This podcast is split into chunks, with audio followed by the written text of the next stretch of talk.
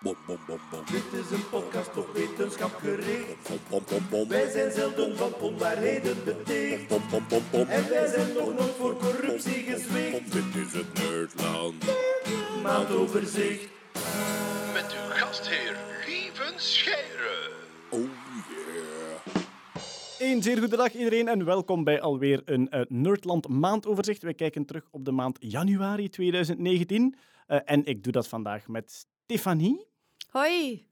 Eh, stel uzelf voor, want de luisteraars willen dat graag, want dan kunnen ze de stem tenminste verbinden aan de persoon die aan het praten is. Right. Ik ben Stefanie, ik ben illustrator. Ik maak ook wetenschapsillustraties. Ik kom uit Antwerpen, daar kan je mij uiteindelijk waarschijnlijk aan herkennen. En ik schrijf ook af en toe voor Charlie Magazine. Die nu een crowdfunding gestart zijn. Yes, geef geld, anders moeten wij stoppen. Oké. Charlie, Ma- en, en als je gewoon surft op Charlie Magazine crowdfunding, dan vind je wel... Gewoon charliemag.be en je krijgt al uw grave artikels, onder meer de mijne. En ze gaan u vragen om een kleine bijdrage te leveren. En dat zou tof zijn. Oké, Marianne zit naast u. Hallo, ik ben Marianne Verelst en ik ben professor aan de KU Leuven en mijn vakdomein is microelektronica. Chips bouwen. Het maken van chips, maar niet om te eten. Dat kan wel, maar het is ongezond. En ik, heel, zei, ik heb het nog nooit geprobeerd. en heel duur ook. Ja. Ook, ja. ja.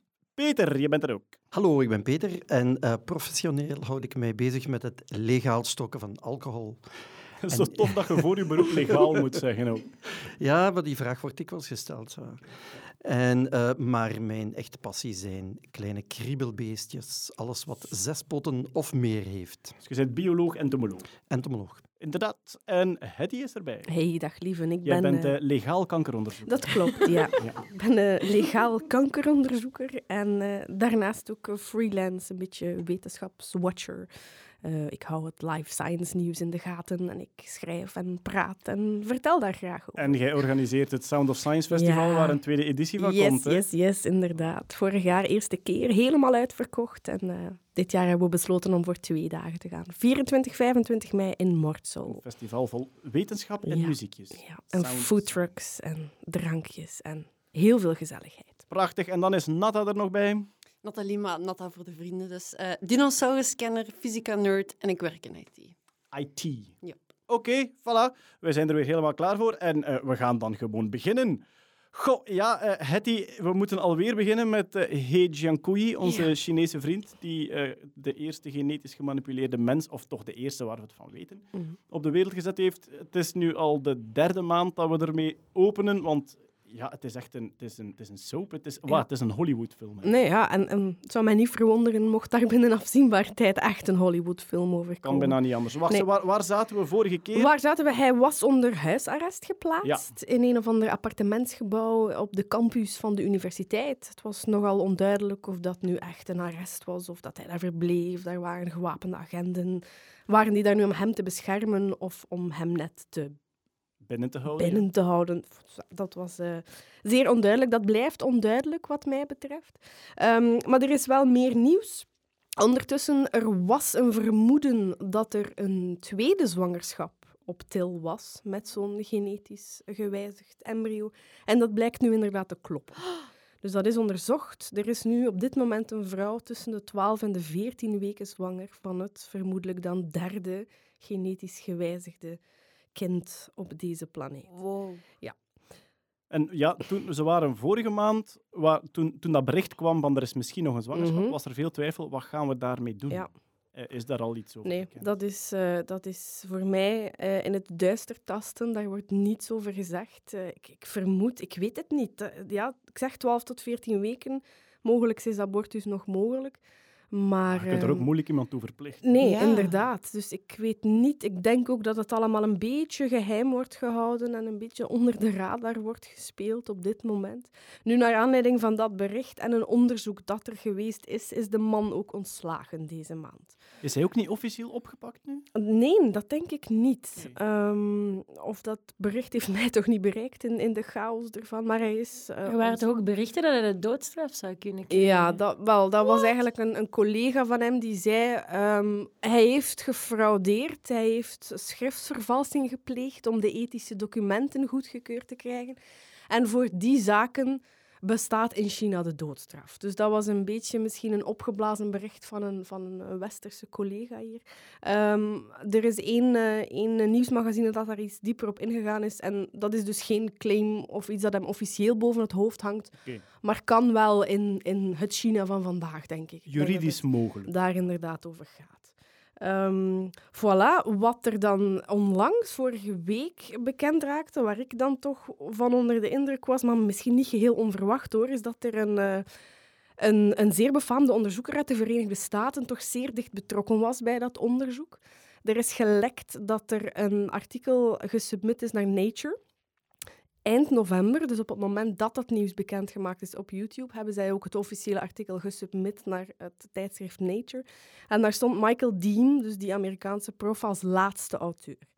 Dus een laatste auteur op zo'n artikel is meestal wel de hoofdonderzoeker, diegene die de volle verantwoordelijkheid neemt voor wat daar gebeurd is. Ehm, na die hele heisa heeft Nature beslist, wij gaan hier niet mee door, wij gaan dit onmiddellijk eh, rejecten, heet Ja. het dan. hè. We gaan dat eh, afwijzen, dat artikel. Maar er is inderdaad gelekt. En voor de rest kunnen ze daar niets over zeggen, omdat dat geheim moet blijven. Dat hij wel de laatste auteur zou zijn. Dus dat die verantwoordelijkheid toch ook niet helemaal en enkel alleen bij China en bij onze vriend He Yankee ligt. Er zijn, er zijn mails gelekt tussen, tussen de twee, tussen de Ja. Amerikaanse professor en de Chinese, waarin dat He Jiankui meldt van ehm, ja, in een soort euforie, hem, ja, die ons wel bekend is sinds zijn YouTube-filmpje. Het is gelukt. Ja, meldt in een euforie van kijk, eh, alles wijst erop dat het gaat lukken en ik ga het doen. En de Amerikaanse prof in die gelekte e-mails eh, zegt daarin van ja, ik zou toch heel erg opletten wat ik doe, want het is tegen de richtlijnen, ik zou er niet mee doorgaan. Dan komt er nog een e-mail van de Chinees die zegt van ja, het is gelukt en dit zijn de eh, specificaties. En de Amerikaan zegt op dat moment, ik wil dat je dit onderwerp niet meer met mij bespreekt, Mhm. want ik wil hier geen deel van uitmaken. Mhm. Goed, ehm, de vraag is dan, is dat voldoende? Of Mhm. had hij verder moeten gaan en het gewoon moeten melden voor Ja. het ja, in praktijk? Beste luisteraars, hier volgt een mededeling vanuit de montagekamer. Hallo allemaal, dit is Hetty vanuit de montage. Even voor alle duidelijkheid, de e-mailconversatie waar Lieven het over heeft, dat was niet met eh, Michael Dean, maar wel met een andere Amerikaanse prof, met Craig Mello, Nobelprijswinnaar trouwens. Om maar aan te geven dat er toch een aantal verschillende vooraanstaande wetenschappers betrokken zijn in dit hele project. Eh, veel meer dan we op het eerste zicht misschien vermoed hadden. Dus dat is een verhaal dat zeker wordt vervolgd. Dus kijk, ook Jennifer Doudna, de ontdekster van CRISPR, die, die ook heel hard tegen dit verhaal is, die zei vermoedelijk had hij toch een andere wending genomen, mocht niet zo'n autoriteit zich daarachter geschaard hebben. Ah, oké. Ehm, dus eh, ja, zover zijn we. Er was ook bericht van, eh, ik weet niet wat een Britse of een Amerikaan, ik denk dat een Amerikaanse onderzoeker was, die ook aan het proberen is om zware handicaps te corrigeren in eh, embryo's, maar zonder dat hij ze implant. Dus Mhm. die wel bezig is met onderzoek van, kijk, ik heb hier een bevruchte eicel, kan ik hierin corrigeren en dat dan achteraf test en dan niet verder gaat met die embryo. Misschien is dat voor sommige mensen ook chockerend, maar het creëren van eencellige embryo's of embryo's van een paar cellen groot die daarna Hmm. ingevroren of vernietigd worden, is echt heel, Natuurlijk, heel ja. gangbaar in alle IVF-klinieken. Absoluut. En dat is ook volgens mij de way to go. Allee, we moeten eerst daar zien allee, of dat er off-target effecten zijn, of dat CRISPR wel knipt op de plaatsen waar het moet knippen en niet ergens anders. Dus ik heb het al gezegd hier, ik geloof erin, maar oh, allee, dit was veel te vroeg en veel te snel. ehm. Goed, in het ethisch debat zijn er ook mensen die zeggen: kijk, vanaf dat je een embryo creëert, heb je de dobbelsteen geworpen waar uiteindelijk een volwaardig mens kan uitkomen.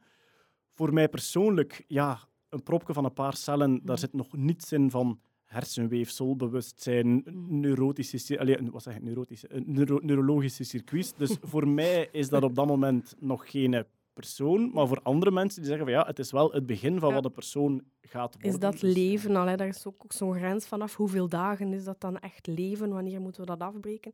Nu, daar is een workaround voor. Hè. Ze zijn nu bezig met de CRISPR in eicellen en in zaadcellen. Dan zit je nog niet in een embryo, maar Ah, dan ja. zit je eigenlijk in, in de stap ervoor. Ehm, ik weet niet hoe ze daar tegenover staan. Dat, is ook, dat blijft het modificeren van menselijke voortplanting. En als je niet wilt dat eicellen of zaadcellen vernietigd worden, dan gaat je een heel moeilijke puberteit Mhm. door natuurlijk. Mhm. Dus dat, eh, dat is sowieso moeilijk. Millions of potential children have died. Ik ging daar nu nog iets over zeggen, maar wat was het ook alweer? Ja, ik, ik denk dat ik het gewoon niet meer weet. Ah ja, toch, ja. Eh, er, er is een religieuze groepering in Amerika die het nu op zich genomen heeft om al die ingevroren embryo's uit Ah, nee. IVF-dingen, dus uit IVF-pogingen die niet gebruikt worden, om die toch tot leven te wekken. Wat? auw, auw. Ja. Ik, ik beeld me zo nu even zo een, een army of baby's in wel, maar Ja, maar dus door. die, En al die die- draagmoeders. Dus die, mel- die melden dat gewoon aan de kliniek en die zeggen van ja, kijk, eh, wij vinden dat al die embryo's het recht hebben om geboren te worden. En als ze toestemming krijgen van de ouders die ze gecreëerd hebben, dan, dan broeden ze die uit. Hoe broeden ze die uit? Ja, In- laten ze die implanten. Dus die, die vrouwen worden dan draagmoeder voor ingevroren embryo's. Nee, wacht, ho, ho, ho. Dus dat wil zeggen dat er een aantal moeders, ja, dan Christian eh, Army mothers, Ja. klaarstaan om Ja, Elk jaar een baby. om Ja, ja. die embryo's te laten En op- implanten die, die, die, die door andere mensen... eh, die- gecreëerd zijn en ingevroren geworden zijn. En er is vorig jaar een kind geboren waarvan de draagmoeder later verwekt was dan het kind. Oh, wacht. Dus een embryo Ah. die 20 jaar bevroren geweest was en die dan ingeplant is in een draagmoeder die later verwekt was dan het kind. En dat kind is verwekt en dat is gezond en dat is allemaal Ah, Dat kind, dat kind is in vitro verwekt en dan ingevroren geweest en dan blijft die een embryo gewoon bestaan. Ja, oké, maar en, en, en, en Is er geen degeneratie van die ingevroren... Dat weet ik niet, maar ja, blijkbaar nee, niet. vrij weinig. ehm, Alles toch, toch super zot. Nee, de tijdstippen dat we nu zijn, zo 10, 20 jaar, blijkt dat allemaal eh, vrij goed mee te vallen. hè. Oké, because more babies is what we need. Voilà, maar kijk, het, het Hey nieuws, het zal ons blijven achtervolgen. Ik, ik hoop dat we er volgende maand niet weer mee moeten openen, want dan zouden er weer zotte dingen moeten gebeurd zijn. Ja. Maar dus, al, zoals het er naar uitziet, wordt er dan over iets minder dan zes maanden eh, een nieuwe genetisch gemodificeerde mens Exact, geboren. Ja. nummer drie. Hè. Ja. Goed, en dan gaan we over naar het, het nieuws van de voorbije maand. En ik denk toch wel het meest spectaculaire was... Goh, we hebben het al een paar keer gehad over sms'en met je hersenen. Hè? Dus berichten sturen gewoon door te denken aan bepaalde tekst. Eh, Elon Musk is daarmee bezig. Eh, Jan Rabai, de eh Belgisch ingenieur die nu in Silicon Valley ehm, eh, werkt en professor is daar, die onder andere de iPad mee ontwikkeld heeft. In de, in de jaren tachtig was hij er al mee bezig. Die is daar ook mee bezig, met dus ja, gedachten uitlezen door zoveel mogelijk hersengolven uitlezen en te proberen snappen waar die voor staan. En Marian, er is nu ehm, een, ehm, een bedrijf of een universiteit. Universiteit, ja. Columbia University in New York. En dus wat die doen, als ik het goed snap, is ze kijken naar hersengolven en ze hebben daarin de juiste patronen herkend om te zien welke tekst je aan het denken bent. Nee. Zoals zo vaak is het weer iets minder speciaal dan je op het eerste zicht zou denken. Maar hou de krantenkop toch in stand. De krantenkop zegt dat je spraak kan genereren door gewoon naar hersensignalen te luisteren, uit te kijken. Wat hebben ze nu eigenlijk gedaan? Ze hebben ehm, elektrodes ingeplant op de hersenen, dus onder de, onder de schedel van mensen, hè, tussen de schedel en de hersenen. Ze moeten wel boren in je hoofd dan. Het waren epilepsiepatiënten die eigenlijk sowieso al een behandeling kregen en ze hebben dat momentje eigenlijk gebruikt om een aantal testen te doen. Meneer de rechter, er was al een gatje. Ja. Ja, de schedel was al open, denk ik. En wat hebben ze gedaan? Ze hebben heel veel uren, ehm, of, of nou, heel veel minuten, denk ik, een klein uurtje, spraak afgespeeld bij die mensen. Die mensen moesten daar heel gericht naar luisteren. En ze hebben de hersensignalen van die mensen opgemeten terwijl die naar die, dat geluid en naar die spraak aan het luisteren waren. En dan hebben ze geprobeerd om uit die hersensignalen van de mensen terwijl ze aan het luisteren waren, terug die, dat geluid te reconstrueren. Dus het is niet zo dat die mensen gewoon dachten aan een, aan een bepaald woord en dat dat woord dan gereconstrueerd werd. Het is zo dat die mensen geluid hoorden en ze hebben geprobeerd om dat geluid op basis van die auditieve stimulansen terug af te spelen. Maar dan is het dus niet, dan is het niet het spraakgedeelte van de hersenen, maar het Het luistergedeelte. luistergedeelte van de Oeh. hersenen. En ze hebben ook niet eender welk spraakpatroon kunnen reconstrueren. Ze hebben ehm, de getallen 0 tot en met 10 kunnen reconstrueren. Dus die mensen luisterden naar heel veel ges- gesprekken, bla bla bla bla bla. En dan kwam er ineens 0 en bla bla bla bla 7. En die stukjes hebben ze eruit gefilterd. Ze hebben dan eigenlijk heel. Het is op basis van diepe eh, neurale netwerken. Dus ze hebben een neuraal netwerk getraind op basis van alle patronen van al het geluid. En dan hebben ze dat getest met die getalletjes. Als ik dat getalletje hoor, welk eh, hersenpatroon zie ik? En kan ik daaruit terug het gesproken getal halen? En dat heb ik dan aan mensen laten beluisteren om te zien hoe goed de kwaliteit daarvan was. En dat bleek, ja, 80% van de gevallen kunnen mensen dat dan herkennen. Je zou kunnen zeggen, ja, dat is dan eigenlijk wel veel minder knap dan ik eerst dacht. Maar eigenlijk is dat een heel belangrijke stap, maar het is een eerste stap. En nu kunnen ze op basis van wat iemand hoort, die patronen in de hersenen, kunnen ze terug die, eh, dat geluid reconstrueren. Maar blijkbaar ligt dat heel dichtbij. ehm het, het, ehm, of blijkbaar liggen de hersenpatronen als je iets hoort. Of je denkt aan iets te horen, ligt dat heel dicht bij elkaar. Dus Ah, als ja. ik het getal 0 hoor, of ik beeld mij in dat ik het getal 0 hoor, die hersenpatronen blijken zeer gelijkaardig te zijn. Dus het is wel een eerste stap Dus naar... het is een ja, heel belangrijke stap. Dus die mensen geven zelf aan, het volgende dat we willen doen, is gewoon mensen die denken aan een bepaald woord, kunnen we daar eigenlijk ook die patronen in gaan zien en kunnen we dan eigenlijk dit, wat we nu hebben geleerd en getraind, die neurale netwerken, gaan gebruiken om, om eigenlijk een soort gelijke zaken te doen zonder dat je het echt hoort.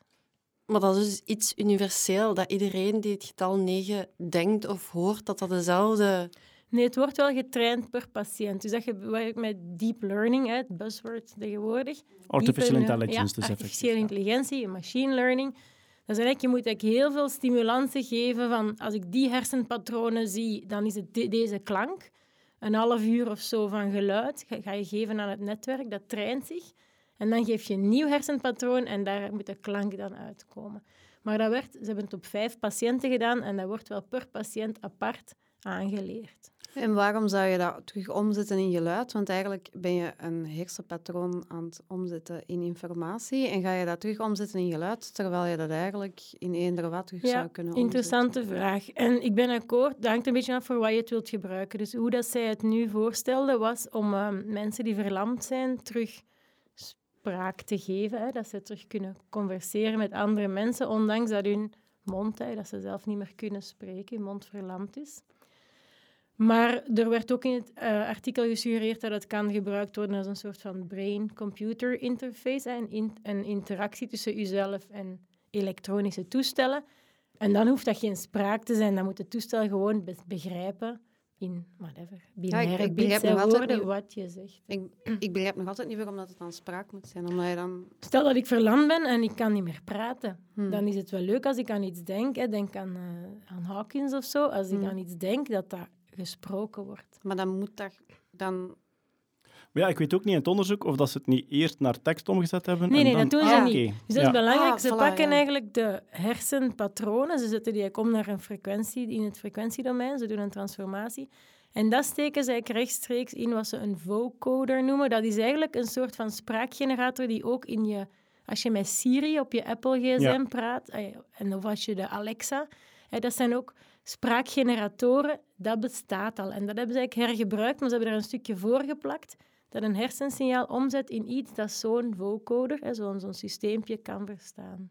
En dus ja, ze spreken nu over eh, bijvoorbeeld mensen die verlamd zijn of die nu al ja, eh, met, een, met een ogen een spraakcomputer besturen, zou dat een handiger Ja. manier zijn. Ik neem Ja. aan, de reden dat ze het vooral nu daarop richten, is ja, je gaat om gemakkelijker sms'en te sturen, ga je geen gat in je kop laten boren, denk ik. Hè. Ja, dus ja, inderdaad, mensen die dat nu zouden, of nu zelfs niet, hè, maar binnen afzienbare tijd zouden zien zitten, moeten al een serieus probleem hebben om zo'n ingrijpende zaken te willen doen. Klopt. Ja.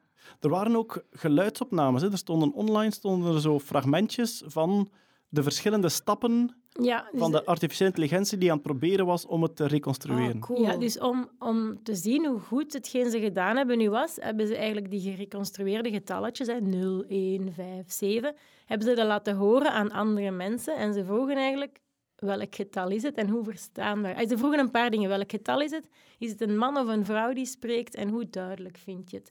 En daar hebben ze dan allemaal scores op gegeven, omdat eigenlijk verschillende manieren van die artificiële intelligentie met elkaar wouden vergelijken. Wat werkt het beste? Heb ik alle hersengolven nodig of alleen de laagfrequente? Gebruik ik die, die vocoder, hè, dat systeem van Siri, of gebruik ik een meer klassiek eh, spraakgeneratiesysteem?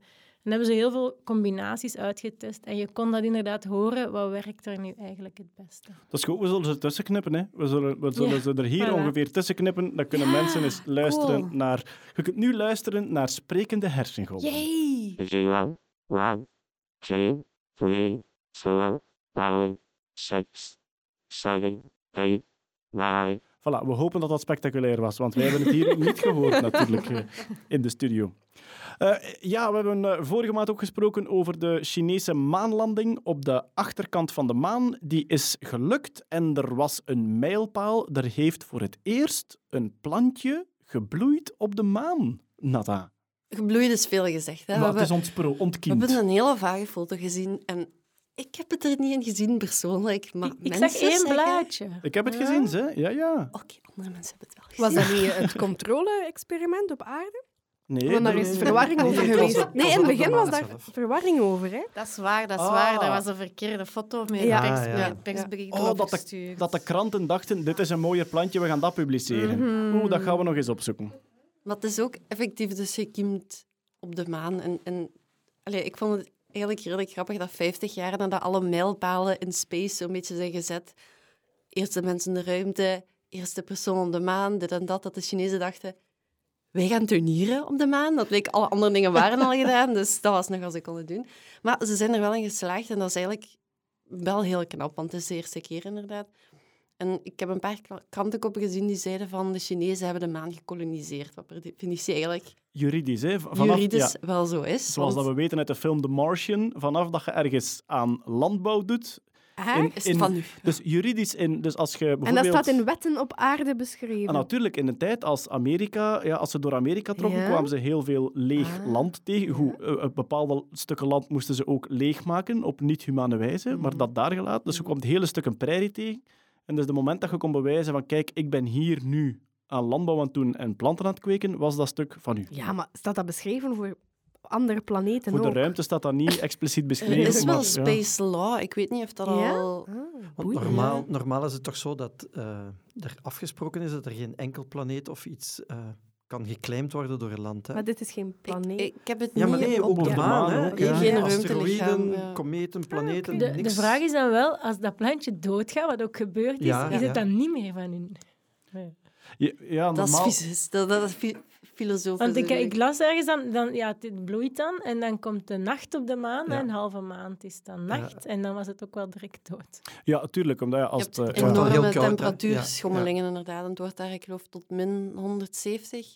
Ja, dus het is die zoiets. Ja. Plantjes, die waren dan ineens... de- Ja, als, als daar zonlicht op schijnt, wordt het ook 120 graden. Maar ja, dat is, dat is een hemellichaam zonder atmosfeer. Er is Ja. geen enkele term- temperatuurbuffer. Dus als de zon erop staat, is het super warm. En als de zon er niet op staat, wordt het gigantisch koud. Hè? Ja. Dus het is inderdaad direct doodgevroren. Maar de, de zijderupsen zijn niet uitgekomen, denk ik. Hè? De fruitvliegjes. Ah, fruitvliegjes Het was eigenlijk zo een beetje denigrerend om te zeggen, maar het was gewoon een bakje met potgrond en ze hadden er wel zaadjes in geduwd. Een biosfeer. Een biosfeer, om het mooi te zeggen. En eitjes ehm, van fruitvliegjes. En ook wat gist voor, om, om wat gassen te, te simuleren. Allee, niet simuleren, maar om ervoor te zorgen dat er ook wat gassen waren. Ehm, en het enige dat is uitgekomen is het katoenplantje. Het enige dat gekiemd heeft. En het was dan ook vrij snel terug dood. Omdat hij, het blijft ook twee weken dag op de maan en dan wordt het twee weken nacht. Dus Mhm. Dat heeft wel even de kans om zo wat te kiemen en dan gewoon Dood. dood. Ja. Maar zouden we dat niet kunnen crisperen dan? Dat Om denk dan- ik wel. Een stuk Ja. temperatuur. Het die gaat dat doen. Nee, ik ga ik dat allemaal niet doen. Ja, al oké, maar niet tot min bestaat 170. al. Hè? Nee, Ik- maar... ik- ja. Allee. Maar dat, dat komt in orde. Ja, het was, het was gewoon wel heel cool nieuws. Want het is inderdaad, gelijk Marianne daarnet ook zei bij haar eh, experiment van de vocal dingen, dit is ook gewoon wel zo weer een eerste stap van ja, we, we gaan moeten planeten koloniseren. Hoe gaan we dat doen? En, en we gaan nu gewoon bekijken in experimenten hoe dat, hoe dat vorderen hoe dat gaat. Maar dus deze, deze maanmissie van China was de Chang'e 4. En Ja. die zit in een hele reeks van Chang'e-missies. De godin Ja. van de maan is het, denk ik, Chang'e.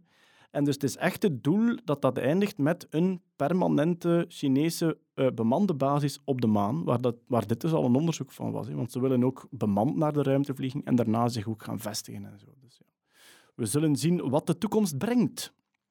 Eh, er was ook nieuws uit eh, het hele eh, computergebeuren. Ja, Kurt en Jeroen zijn hier helaas niet, dus die kunnen ons niet verder helpen met de eh, computer security. Marian, vanuit de chips neem ik aan dat jij daar ook wel van op de hoogte bent. Maar het nieuwsje dat deze maand bovenkwam, was het feit dat wie vals speelt bij computerspelletjes misschien binnenkort de politie aan zijn deur krijgt. Ik heb het hier over een... Ja, ja. Ik heb het hier over een heel specifieke vorm van valspelen. Wat gebeurt er? Je speelt een online spel tegen andere spelers van heel de wereld, zoals Fortnite of eh, Grand Theft Auto of Call of Duty. Je hebt heel veel spelletjes die je online speelt met andere mensen. Bij sommige daarvan, als je wint, krijg je geweldig veel extra credits en nieuwe punten enzovoort. Nu, wat gebeurt er? Gamers betalen websites om op hun tegenstander zijn internetverbinding een DDoS-attack uit te voeren. Ah, Lelijk, lelijk. Ja. Wacht, wat is een DDoS-attack? Een DDoS-attack Flooding. Ja. Een distributed denial of service, wat wil dat zeggen? Je, ehm, je beveelt heel veel computers, duizenden tegelijk, om in te loggen op een bepaalde website of op een bepaald IP-adres in dit geval. Natuurlijk, uw persoonlijke IP-adres laat niemand binnen, maar als er duizend man tegelijk op uw deur staat te kloppen, heb je niet veel tijd om andere dingen te doen. Uw, uw server kan dat gewoon niet aan Ja, en alles Je bandbreedte gaat plat. Ja, dus uw bandbreedte wordt helemaal dichtgetrokken door al die aanvragen die je niet binnenlaat, maar ze zijn er wel, waardoor dat je je spel niet meer kunt streamen naar de server. Die een server ziet, die een speler gaat offline. En de regel bij online games is, als je zo lang offline bent, dan verliest je. Nu, die DDoS-attacks ja, die gebeuren eh, heel vaak met botnets. Hè, dus de ehm, hackers die computers besmetten met virussen, computers bij mensen thuis, computers op het werk, dat zijn gewoon slapende virussen, tot als die een hacker een commando stuurt, waardoor die allemaal tegelijk inloggen op een site. Er zijn ook andere technieken, heb ik gehoord, waarbij dat je gewoon zelf heel veel internetverbindingen genereert die dan tegelijk inloggen op een bepaalde site. Maar dus er waren websites, eh, je kon je abonneren voor 15 euro per maand, en dan mochten per maand een bepaald aantal DDoS-attacks bestellen. Een goed dus businessmodel. mensen, Ja. wa- mensen waren aan het spelen, hè, waren aan het spelen en ze achterhaalden op een of andere manier het IP-adres van de tegenstander. En als ze merkten van oei, ik ben aan het verliezen, hop, inloggen op die website, DDoS-attack, die kerel gaat eruit en je wint dat spel. Maar Europol, de Europese politie, eh, die kreeg dat in toog en die zei van ja, dat is echt een soort sponsoring van de cybercriminaliteit die zij een halt willen toeroepen. Ze hebben bepaalde van die websites gesloten en sinds eh, vorige week gaan ze een stap verder en gaan ze effectief de gebruikers van die sites ook actief gaan vervolgen. Dus iedereen die dat nog gebruikt, eh, de Nederlandse politie is daar actief in betrokken bijvoorbeeld, iedereen die dat nog gebruikt, die kan dus effectief politie aan zijn deur krijgen die zeggen van kijk, we hebben hier bewijs dat jij eh, betaald hebt om DDoS-attacks uit te voeren op eh, tegenspelers.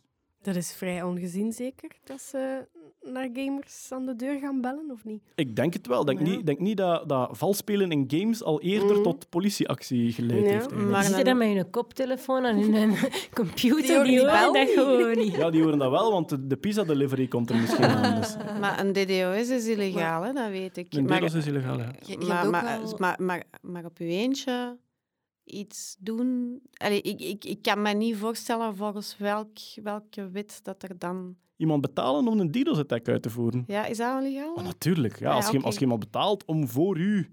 Als je iemand En- betaalt om voor u iemand eh, eh, neer te schieten, is dat ook illegaal. Ja, Als maar ik weet niet of dat, volgens dezelfde... dat, dat, dat, dat werkt niet volgens dezelfde rechtsregels, hè? Want... Oké, dan moeten we dan checken, maar Europol is alleszins begonnen met een actieve actie ertegen. Oké, dus, ja. dan is er toch een wet. Dus dan eigenlijk ook iemand betalen om eh, dingen voor u illegaal te downloaden, Ja, zou dan eigenlijk Stefanie. ook... Oké, maar dat is moeilijk. dat is moeilijk, omdat in de Belgische wetgeving zijt je strafbaar als je, ehm, als je copyrightmateriaal deelt, niet als je het aanneemt. Oh, is dat? Ja, Ja, ja, dat dus is een downloaden is in, Mhm. Ja. in de Belgische wet is downloaden niet illegaal, uploaden wel.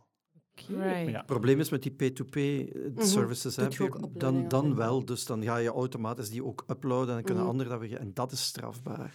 En daar hebben ze dan de hele workaround van niet het volledige bestand te delen, maar alles Ja. in stukjes te kappen. Ja. Enfin, ja, het is een beetje kat en muis, eh, die hele eh, eh, piraterijbeweging. Peter, we bewegen ons langzaam richting de biologie, want de eenzaamste slak ter wereld is Ja, overleden. helaas. George. George. George, hij. de eenzaamste slak ter wereld. Waarom Ja, was ja. George zo eenzaam, Peter? Wel, ehm, hij was de laatste van zijn soort. Het is een Hawaiiaanse... Nu moet ik even spieken hoor, want ik heb het hier. Eh, hij is een Achatinella apex fulva. En dat is een Hawaiiaanse slakkensoort. Nu, eh, op Hawaii, op Hawaii waren er ooit eh, 752 soorten slakken. Mhm. En, en Hawaii is zo, echt zo'n eh, hotspot voor biodiversiteit. En ehm, eigenlijk die, de, die, die slak dat die sterft, ja, voor de meeste mensen, het is ook, het is ook niks speciaals. Geen mooie kleuren, zo echt eh, een saai grijs slakje of bruin. Maar eh, waarom dat het zo, zo, eh, zo triest is voor, voor, eh, voor de mensen die met biodiversiteit bezig zijn, is dat dat weer een, zo- een, weer zo'n organisme is dat, dat begint te verdwijnen. En in Hawaii bijvoorbeeld is dat heel erg, heel erg actueel. Hawaii is, daar is een enorm grote biodiversiteit. Is dat zo typisch die eilandsituatie? Ja, ja de Galapagos is dat, is dat, is dat ook. Maar Hawaii bijvoorbeeld is, is daar een heel mooi voorbeeld van, waarbij men heel goed heeft kunnen zien dat door de introductie van organismen door de mens, maar de mens zelf ook, want die zijn hè, op die eilanden terechtgekomen, dat door de introductie van andere organismen, zoals onder, eh, onder andere ratten, eh, schapen, geiten, maar ook ongewild, en, en dat is een van de grootste problemen, en ik vind het heel jammer dat ik dat moet zeggen, maar het zijn ook dikwijls mieren die, ehm, die daar de oorzaak van zijn. Jouw vrienden de mieren. Mijn vriendinnen de mieren, ja. stout, ja, ja. Wat doen die dan, die mieren? Wel, ja, ehm, mieren zijn in, in heel veel ehm, voedselketens of voedselwebben een bijzonder agressieve en hele eh, zware predator in bepaalde habitats. En dat zijn uw vrienden, En Peter? dat zijn mijn vriendinnen. Uw vriendinnen? Ja, ja. Ah ja, het zijn vooral Ja, madammetjes. het zijn vooral madammen. Eh, de, ja, mi- de absoluut. mieren eten slakken. Eh, heb- mieren eten zowat alles. Alles wat vlees is of zoetigheid is, dat eten die op. Dus, eh, en ehm, bijvoorbeeld, eentje- een, een ander voorbeeld is, eh, ik weet niet of je Christmas Island kent, in de buurt van Australië. Dat is redelijk bekend door die migratie van die heel fel gekleurde rode krabben. Zo. Eh, dus je hebt daar, je hebt daar een, een, een grote populatie van miljoenen landkrabben. Niet alle krabben leven in, in, in het water, maar je hebt ook landkrabben. Die elk jaar rond november vanuit het land migreren naar de zee om daar eieren af te leggen. En dat is dus ja, dat is een spektakel, daar komen mensen naar kijken. Maar die krabbenpopulatie staat heel zwaar onder druk door de introductie van de yellow crazy ants, zo heten ze. Dus dat zijn geel mieren en die noemen ze crazy ants omdat die zo heel, zo heel bizar en heel snel en heel zenuwachtig rondlopen. Gabber, gabbermieren. Gabbermieren. En, en die vallen dus die krabben aan, omdat die- die door, door dat territorium van die mieren lopen. En die mieren die vallen die aan, die krabben die worden verblind door dat mierenzuur, die lopen daar rond, die zijn verdwaasd en die sterven aan een tijd en die mieren eten die gewoon op. En dat soort gevallen gebeurt in heel veel eilanden waarbij die ongewild zijn geïntroduceerd. En in Hawaii is dat bijvoorbeeld, eh, daar waren, als ik me niet vergis, maar dat, daar durf ik mijn hand nu niet voor in het vuur steken, maar ik dacht gelezen te hebben dat er van oorsprong geen mierensoorten op Hawaii waren. En dat de mieren die daar nu voorkomen eigenlijk allemaal geïntroduceerd zijn, of toch een heel deel daarvan. En die hebben een bijzonder grote impact op de lokale biodiversiteit. En, en ze wisten al dat de George de laatste van zijn soort was. Ik weet niet hoe dat voortplanting bij slakken werkt, maar konden ze dan... Sorry, ja. Sorry dat daar toch nog kindjes ergens Wel, kwamen. dat is het hem juist. Traag en George, slijmerig. George, Papa. Nu, nu, één ding. In Hawaii blijkbaar zijn slakken deel van de cultuur en die worden dus beschouwd als de stem van het woud. Dus die worden daar eh, eh, bij, de, bij de inboorlingen eh, hoog, staan die hoog in aanzien. En George heeft eigenlijk nooit in het wild geleefd. George is 14 jaar oud geworden, is geboren en getogen in een laboratorium. Maar kunnen ze dan ooit zeggen dat de laatste van zijn soort was? Misschien Ja, slijmen misschien- er nog wel een paar Ja, ergens door dat- een dat- inderdaad, dat, dat, dat Kun zou je best dat, kunnen. kun je dat ooit zeggen, eigenlijk als bioloog, van die is uitgestorven? Is het gewoon van statistisch gezien? Ja, waarschijnlijk wel. Zeker met zo'n kleine organismen. Ja, De. T-rex vrij zeker. Nee, De zeg mammoet, nooit, de nooit. mammoet ook. Vrij Ja, zeker. maar, maar dat is wel zo. En, en Die dat wonen klopt, allemaal in Loch Ness, Loch Ness ergens.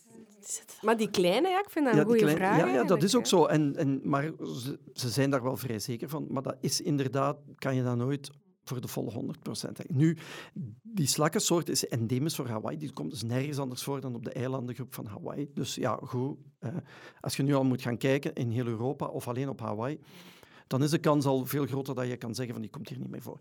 Nu, ze, ze hebben die slak, dus ze hebben geprobeerd in een bepaald programma om die beesten te kweken, om dan een populatie op te kweken, om dan die in het wild terug uit te zetten. Maar in de generatie dus van de ouders van George, daar hadden ze dus een hele hoop eieren. En daar is een ziekte in gekomen en die zijn op enkele slakjes na, op enkele eitjes na, allemaal doodgegaan.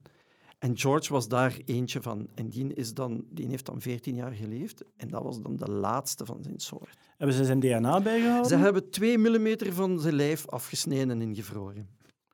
Maar nog niet, nog niet eh, actief DNA-extractie gedaan Nee, of sequencing? nee, nee, Of, dat is in case of. Dus als men dat ooit zou willen doen. Maar hij is wel bewaard. Goed, Hij is wel op- bewaard, het, ja. is, het is symbolisch natuurlijk echt wel iets. Ja, je, hè, hebt nog, een- je hebt een- nog een paar zo van die organismen. Heb. Je hebt de Lonesome George. Dat is ook weer een George. Dat is die laatste schildpad. grote schildpad van de, Galap van de Galapagos, van Ja. het eiland Pinta. Want je hebt daar 14, ik denk 14 verschillende schildpadden op die verschillende eilanden. Maar van die ene soort, dus de Pinta-reuzenschildpad, was Lonesome George in 2012 gestorven. Die was de laatste ook van zijn soort. Daar was nu even twijfel over of dat hij toch niet een soort Ja. achterneef was van een Ja. andere. Ja. Dus dat, Maar- hij, dat een soort faker was. Dat een beetje... Not so Ja, long. of dat een beetje een ondersoort is, beetje ben Munchausen-syndroom. Ja, wat Munchausen uitgestorven faken eigenlijk. Dat Maar, maar je, je gaat nu in de komende jaren dat veel meer zien. Hè?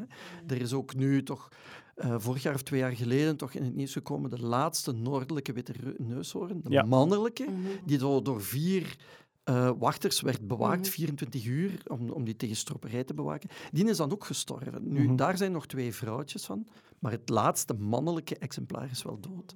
En je gaat dat regelmatig nog zien in de toekomst, dat zo de laatste Maar van daar zit de mens vrij actief tussen. Hè? Ja, met ja, die stroperij, hier met die Ja. mieren, is er iets waar je daar preventief kunt aan doen. Maar je Nee. zei 200 en zoveel slakken. Hoeveel zijn er nu nog over, soorten op Hawaii? Geen idee. Nee, oké. Ja, het, zal Wel- een heel pak het waren er 752, Ah, dus 752, het, sorry, zijn ja. er nu een heel deel minder. Maar die mieren, dat is net hetzelfde als dat je... eh, met, met ratten, die, die komen met die schepen allemaal mee. De, die mensen die landen op een eiland, die ratten die komen dat eiland op.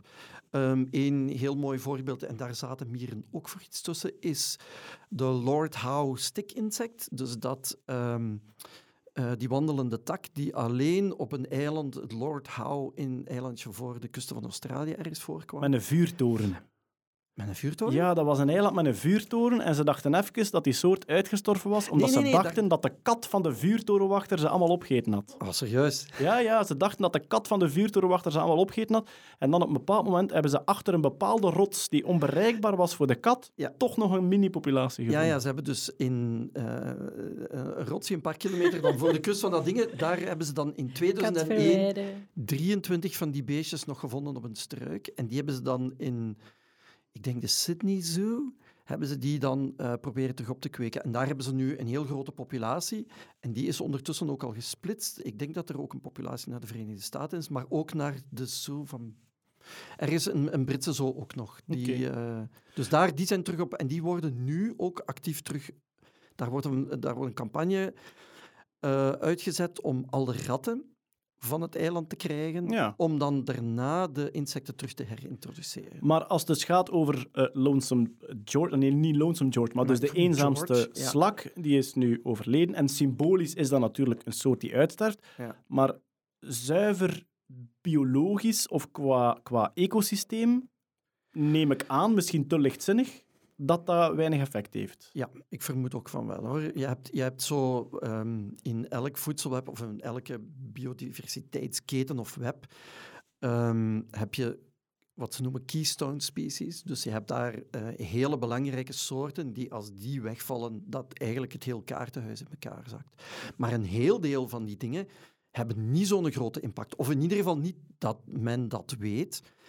Maar de, de, de, de theorie is wel van, kijk, hoe groter, hoe diverser het systeem is, hoe resistenter dat is tegen, tegen invloeden. Dus als Ja. je, als je een, een, een biodiversiteit hebt waar ettelijke duizenden exemplaren of duizenden soorten in, in één habitat zitten, en er vallen er daar twee weg, dan is dat niet zo erg tegen als je er maar tien hebt en er vallen er twee weg. Ja. Dus dat, dat is nu een van de dingen voor bescherming van biodiversiteit. Probeer zoveel mogelijk, ook al lijkt het niks, ook al is het een, ja, een onnozel vliegje of een, of, of, of een, een heel klein plantje, maar het, het, maakt, het maakt het geheel groot genoeg Maar het probleem zal ook niet zijn dat er nu zo één subsoort wegvalt, maar eerder dat dat een, een teken aan de wand is. Hè. Ja, Dat- ja, dat het is- is, het is symbolisch. Hè. Het, Mm. is, het is een symbool voor het verlies van biodiversiteit. De Ja. thermostaat van de biodiversiteit. Ja. oké. Eh, zeg, Peter, het was ook een hele vrolijke maand voor u. Hè? Ja, ja, ja. Ah, ja, want er kwam... Ja, kijk, er, is, er, is, ehm, er, er waren verschillende eh, dingen op, op het entomologie-nieuws. Eh, er was onderzoek over het geheugen van mierenkolonies en eh, over de ouderdom van insecten. Maar dat verzinkt in het niet Bij? bij... Er komt een entomology of een entomology Barbie. Oh, Er entomologie Barbie! Entomologe Barbie, ja. Zeg, en entomologie kennis er weer niet bij. Dat seksisme in de wetenschap, dat neemt echt grove Ja, proporties maar aan. Het is, ja, maar het is expres. Er is dus blijkbaar een licentieovereenkomst gesloten tussen Mattel, hè, de producent van, eh, van de Barbie-poppen, en National Geographic, om een aantal ehm, naturalisten, moet ik zeggen, dus echte natuurjobs, Ja. ehm, te creëren voor meisjes. En was het erin? Eh, natuurfotograaf, eh, natuurbeheerder of wildlife conservationist, een astrofysicus en een entomoloog. Dus het is, het is echt eh, een, Het is een vraag, campagne. een vraag een aan campagne, Mattel van ja. kijk, hier eh, rolmodellen creëren. We Voor gaan meisjes, dus, we ja. gaan dus die, die poppen, dat daar van jongs af aan mee gespeeld kan worden enzovoort. Ja. Maar jij bent dus geweldig enthousiast over, want het is niet één entomologie Barbie, er zijn verschillende soorten in, hè, of niet? Ik heb nu maar... er- Het is, het is, een, eh, het is een playset, hè, dus er gaat, er gaat die... ja, ja, ja. Je krijgt er insectjes bij. Je krijgt er de insecten en het netje en... Maak je eigen vergrootglas van roze glitters. Ik heb nog gekeken of ik hem kon pre-orderen, maar hij is pas... Zij of zij is pas vanaf de herfst Het zijn er, meer, 2019 het zijn er meerdere, hè, Peter. Ik Ja, wil ja, them all. Maar Ja, daarnet, zei, daarnet zei hij iets van eh, Imker Barbie of zo. Die bestaat al, hè? Imker Ah, die Barbie was er al? Ja, die was er al. Ja, ja, Imker ja, ja, Barbie ja. was er al. Imker Barbie. En er is ook de Barbie Chemistry Set. Die heb Oké, je de ook volgende al. podcast Ah. nemen we allemaal onze Barbies mee. Ja, ik denk dat je ook wel ICT of Nerd, ICT Die Nerd Barbie of zo, bestond ook al. Over het algemeen, dus ja. eh, Bar- Barbie Chemistry Set is dat dan zo kijken in welke oplossingen dat je Barbie op kunt oplossen? Of, nee, dat, nee, dat is de een andere, beetje- dat is een beetje- die Barbie set is dat, denk ik. traumatisch. eh traumatisch. Maar, maar tot nu toe, ik heb, het, ik heb nu daar, daar straks even gekeken wat het, eh, wat het gamma is aan playsets met Barbie. En dan zie je wel, zo de klassiekers zijn dierenarts. Hè? Ehm, ja, dan... Ik, ik begrijp wel dat ze eigenlijk dat rollenpatroon een beetje willen doorbreken en Mhm. dat ze eigenlijk ook dat soort eh, wetenschaps, eh, wetenschappen eh, sexy willen maken voor meisjes. Ik vind, dat, ik vind dat eigenlijk een heel mooi Je initiatief. ziet bij Lego een beetje hetzelfde. Ja, ja. Maar ja, dus allee, ehm, we, we, gaan ons, we gaan ons niet met beide voeten in die hele discussie mengen. Maar ik denk het creëren van rolmodellen is sowieso echt iets geweldig nuttig om Ja. van jongs af aan met die dingen in aanraking te komen. Ik ben er zeker van dat er ook mensen echt wel kanttekeningen gaan plaatsen bij wat, wat bedoel je bepaalde jobs voor meisjes. Maar we gaan er ons niet in... Allee, ja, Nee. ik kijk rond Nee, de is tafel en ik denk, wat mij betreft, een, een goede stap vooruit. En als er nog eh, correcties moeten gebeuren in de toekomst, laat het ons vooral doen. Maar, Mhm. eh, Ik denk dat de correcties vooral moeten gebeuren om de lichaamsmaten van Barbie. Want als je Barbie... Ja, andere die Serieus, maar nee, nee, maar serieus. Ze heeft nog altijd Kelpian legs. En dat is een insider joke. En geniet ervan, degene die het snappen. Ja, Ja, qua- qua ICT Barbie ja. zit de hele dag op haar gat, dus no way dat is zo strak is. Obese, ICT Barbie. Of nee, laat ons Die gewoon zeggen realistisch, ja, realistisch lichaam Barbie. Ja, dat kan ook al iets zijn. Goed, eh, er was eh 23andMe nieuws. Ik heb, ik heb het daarnet al aangekondigd bij eh, de andere podcasters hier, maar ik heb nog niet gezegd wat er gebeurd is. Dus 23andMe is zo een typische eh, consumer DNA-test. Voor 100 dollar krijg je thuis een plastic buisje, gespuwt daar een paar keer in, je stuurt dat op naar Amerika.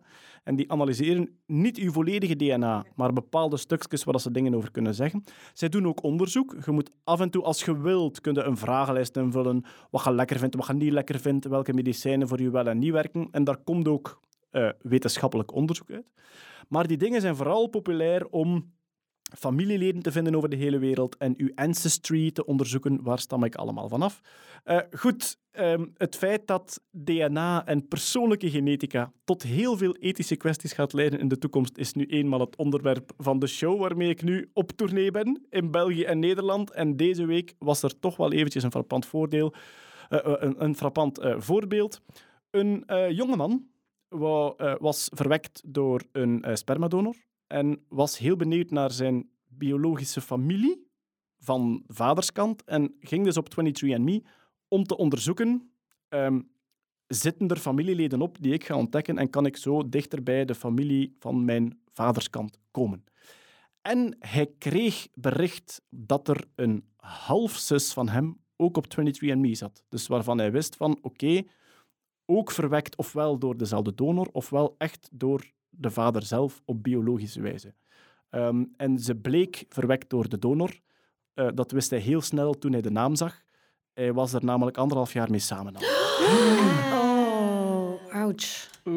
Dus ja, je, je bent anderhalf jaar een koppel. Je bestelt alle twee een 23andMe-set voor kerstdag en je ontdekt van oké, we zijn verwekt door dezelfde donor. Fijn het nieuwe jaar. in.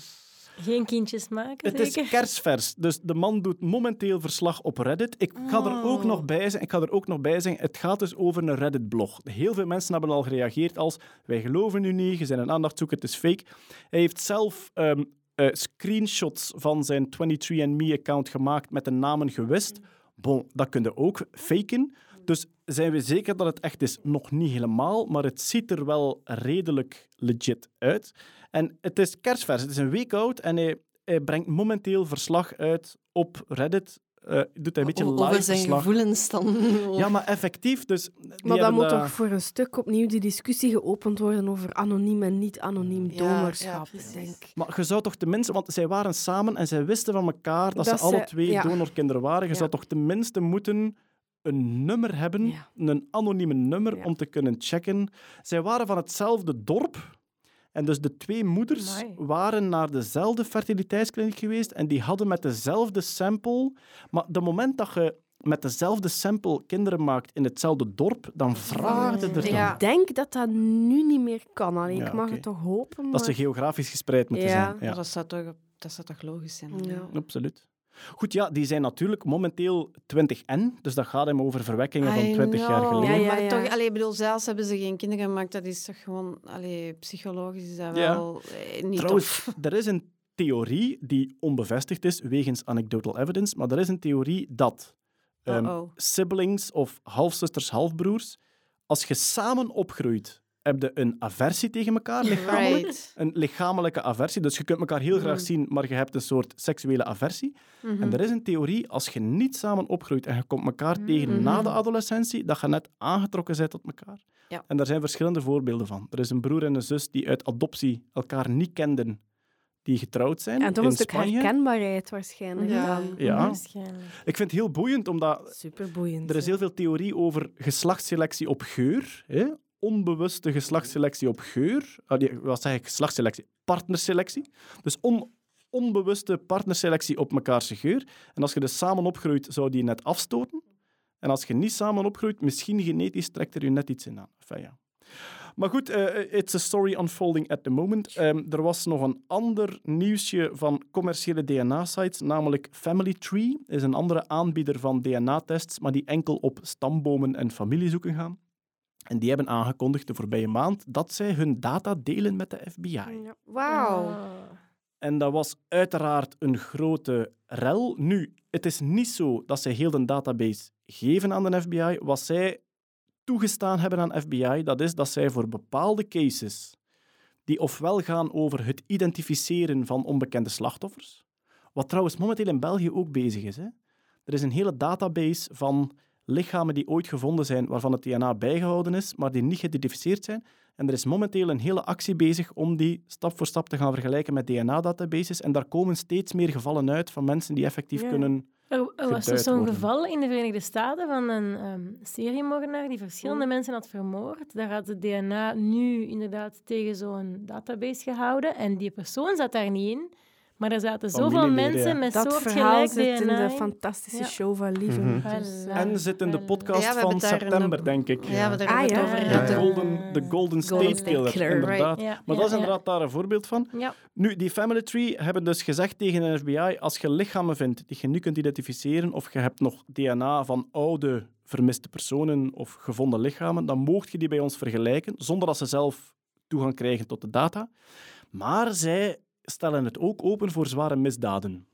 Ehm, ja, ik denk dat daar als privacycommissie, dat je daar geweldig over kunt debatteren, of dat je zoiets moogt of niet. De moment dat, want dus er staat heel duidelijk in hun policy, net zoals bij 23andMe, wij verkopen nooit uw data aan anderen, wat dat logisch is. Maar dus nu zeggen ze, we verkopen het niet, maar voor zware misdrijven of vermiste personen geven we wel toegang. Maar En natuurlijk met de, met, de, met de bijnoot van voor zware misdaden, dat wil dan natuurlijk niet zeggen dat je daar zelf ergens eh, bij betrokken bent, maar dat gewoon wil zeggen van, ja, als je DNA ergens nuttig zou kunnen zijn om het te kunnen eh, zoeken ja. naar, naar, naar, een, naar, een, naar een mogelijke dader. Dus eigenlijk wil dat gewoon zeggen, we gaan dat gewoon sowieso gebruiken voor alles. Wa- Wat dat, wat dat, dat op zich wil zeggen is, zij kunnen niet, de FBI kan niet in uw DNA gaan kijken van welke kleur ogen heeft hij, welke kleur haar heeft. Nee, dat nee, dat nee, kunnen ze niet. Wat ze wel kunnen doen is, we hebben hier een misdadiger. Als dat een verre achterneef is van u, Ja. kan de computer dat zien. Ik kan ook zien op welke manier dat je familie bent, dus Mhm. hoe ver. En op die manier kunnen zij via uw stamboom die persoon identificeren. Ja, dus dat wil zeggen dat je DNA eigenlijk gewoon compleet leesbaar is voor de FBI. Nee, want ze kunnen geen eigenschappen lezen uit Nee, DNA. nee, nee. Enkel nee, Natuurlijk niet die eigen, maar dat maakt ook niet uit. Hè. Dat, dat, dat is eigenlijk, allee, dat maakt Ja, toch niet uit. Voor mij is dat het grote issue van DNA-privacy. De moment dat mijn verzekeraar via een omweg kan kijken welke gezondheidsrisico's ik loop, Ah, oké. ah, dan gaan mijn ja, premie ja, op omhoog. die manier. Ja, sorry, Ja, ja. daar was ik even niet mee bezig. Nee, nee, ik Ja, was ja. compleet in, het, in, het, in, het, eh, Het crime scene. In de crime scenes bezig. Ja. Wat dat trouwens juridisch ook weer kersvers is en Europees nog niet op één lijn zit. In België mag de politie naar geen enkele eigenschap behalve geslacht kijken, als ze DNA vinden. Ja, geslacht kunnen moeilijk omheen. Je hebt een XX of een XY. Maar ze mogen niet kijken naar huidskleur, oogkleur, haarkleur. In Nederland mag dat sinds een paar weken wel. Dus daar is de wet gestemd dat ze, als er een misdaad gepleegd is, dat ze mogen kijken naar geslacht, oogkleur, haarkleur, huidskleur van de verdachte. In het DNA. In het DNA, Oké, ja. oké, ja. Dus Ze mogen gaan kijken van, we zoeken een blanke, blondharige man met blauwe ogen. Dat kunnen ze... Dat mogen ze Iedereen in. Nederland. Nee, 50 procent. Boven een meter 90. Ja, voilà, die graag melk drinkt. Zeg, we hebben superveel Nederlandse luisteraars. Hè, die, Echt? ja, ja, maar jij bent absoluut. populair in Nederland. Ja, hè, dat valt wel mee. Maar Ja. dus, ik, ik tour ook in Nederland en er komen heel veel mensen naar mij na een optreden die zeggen dat ze naar de podcast luisteren en ik vind het hartverwarmend. Dus dank Hey, u wel, Nederland, Nederlanders. dank u. Jullie zijn niet allemaal blond en groter dan een meter 90 die melk lusten. En de volgende keer zullen we allemaal met een Nederlands accent praten. Nee, Ja, dat ja. gaan we niet doen. Sorry, Al- sorry. Jij doet dat wel op tv, hè, lieve. Zo'n klein als beetje ik, als zo. ik in Nederland op tv kom, dan pas ik mijn taal aan en volgens sommigen te ver. Ja, dat is waar. Volgens sommigen praat ik iets in Dat heb Nederlands. ik niet gezegd. Maar volgens de Nederlanders ben ik nog altijd een gestampte boer, dus ik denk dat uiteindelijk... eh, ik denk dat uiteindelijk wel relatief. meevalt. Voilà. Ja, voilà. Over naar het eh, eh, serieuze, keiserieuze, fundamentele fysica-wetenschapsnieuws, namelijk de deeltjesversneller CERN, waar ze nu wel heel luidop aan het dromen zijn van een grotere tunnel. Dus er ligt momenteel een tunnel van 20 en een beetje kilometer, Mhm. denk ik. En ze willen hem nu vergroten. Ze willen een veel op dezelfde plek, hè, maar dan met gebiedsuitbreiding, willen ze een veel grotere tunnel boren om nog krachtiger en hoogenergetischere experimenten te doen. ja.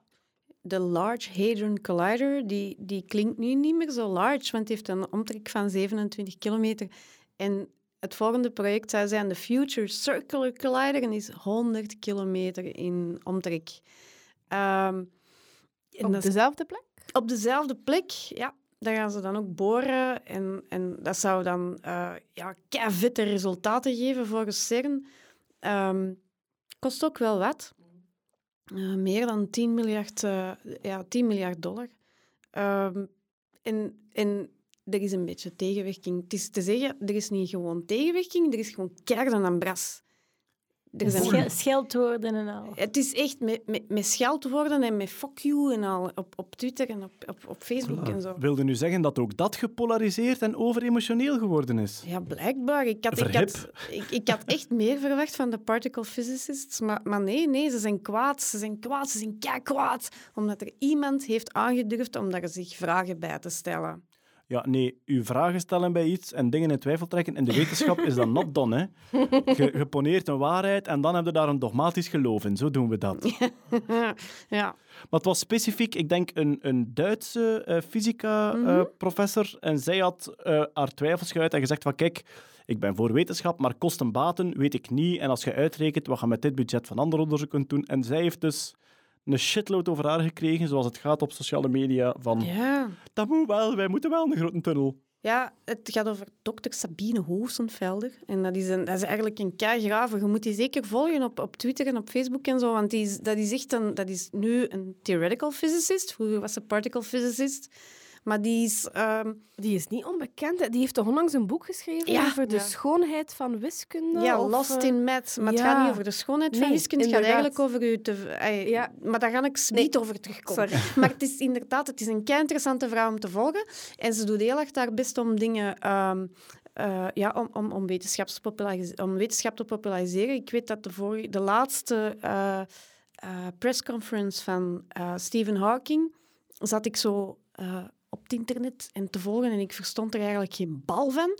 En dan had ik ook zo getweet van, kan er mij alsjeblieft iemand uitleggen wat er hier gaande is? En zij was een van de weinigen die dan antwoordde van, ja, ja, maar ik ben dat hier aan het opschrijven. En, ja, dus ze is eigenlijk een heel benaderbaar persoon, maar ze is wel vrij recht toe recht aan. Dus wat heeft ze gedaan? Ze heeft een, opinie eh, geschreven voor de New York Times, waarin dat ze zich vragen stelt over dat project van die Future Circular Collider. En eigenlijk, wat dat ze daarin... Eigenlijk het enige wat dat ze zegt is... CERN is een klein beetje te positief aan het voorstellen wat dat we hiermee kunnen doen.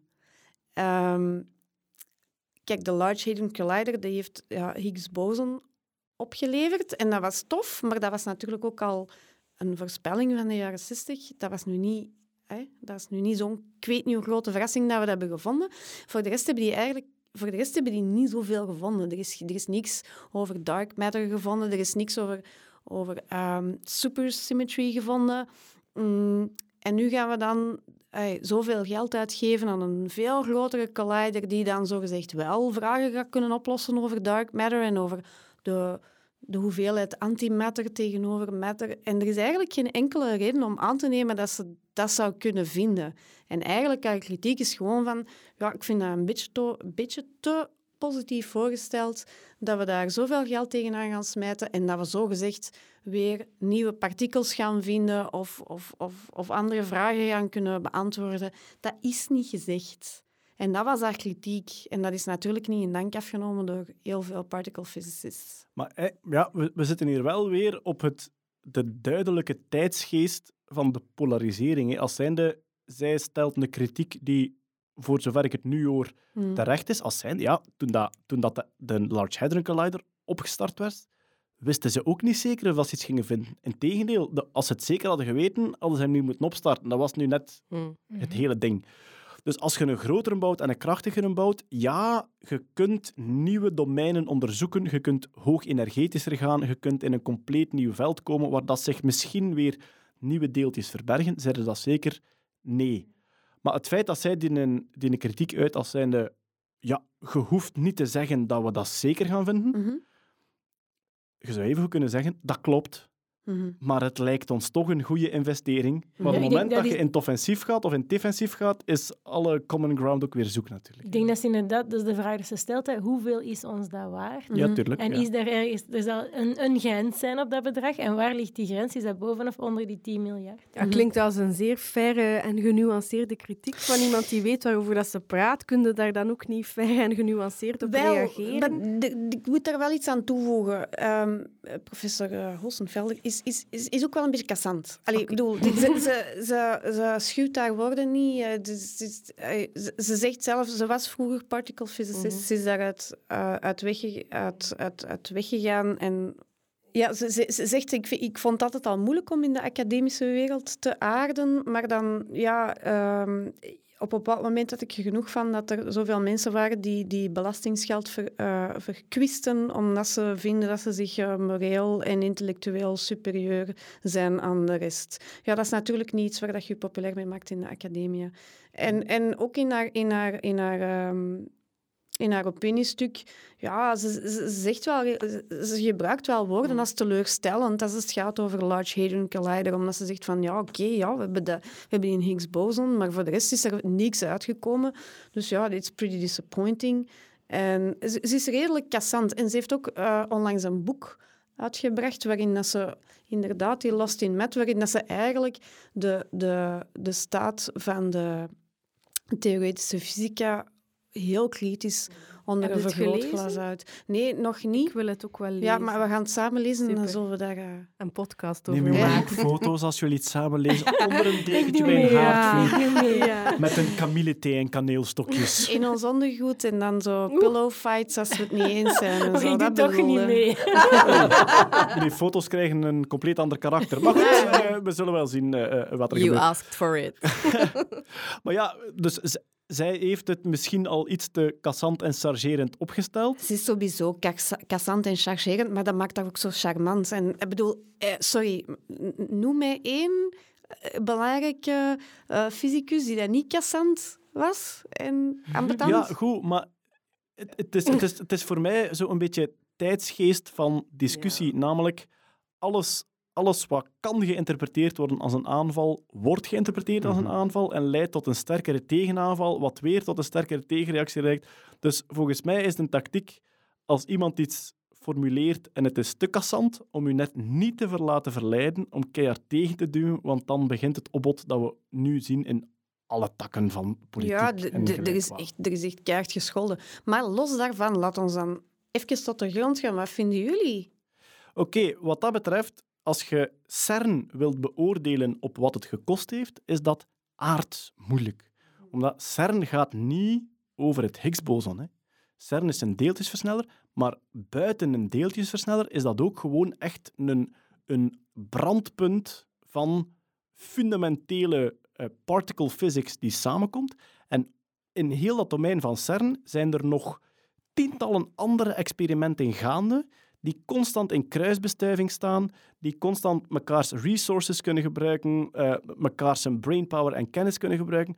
Dus zelfs stel dat je, het, stel dat je heel het complex van CERN behoudt en je, je betoneert in een tunnel dicht, is dan nog iets geweldig nuttig. Net Ja. omdat dat zo een brandpunt is.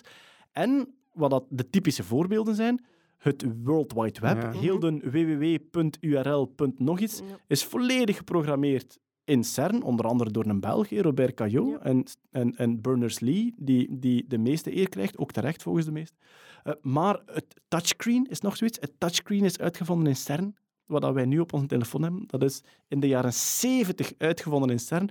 Dus een budget verantwoorden voor een deeltjesversneller is een heel moeilijke oefening, omdat je het niet enkel hebt over de resultaten. Maar het gaat voor haar niet over het budget. Waar dat zij het over heeft, ook in haar boek, gaat over... We zijn een theorie, we zijn bepaalde theorieën aan het nastreven, aan het proberen te, te bekijken en, en te zien of dat die werken. En we zijn eigenlijk geïndoctrineerd door bepaalde theorieën die wij mooi achten. Daarom ook haar boek Lost in... Lost in Math, en dat gaat over Lost in Beauty. Wij vinden dat mooi. Wij, zijn bijvoorbeeld supersymmetry, daar zijn we al keilang, over, mm, naar op zoek, maar we vinden dat een mooie theorie. Maar eigenlijk heeft dat...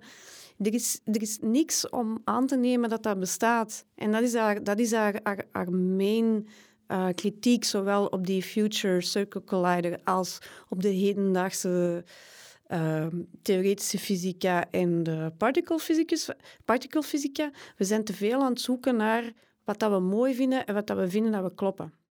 Oké, maar zij heeft gereageerd.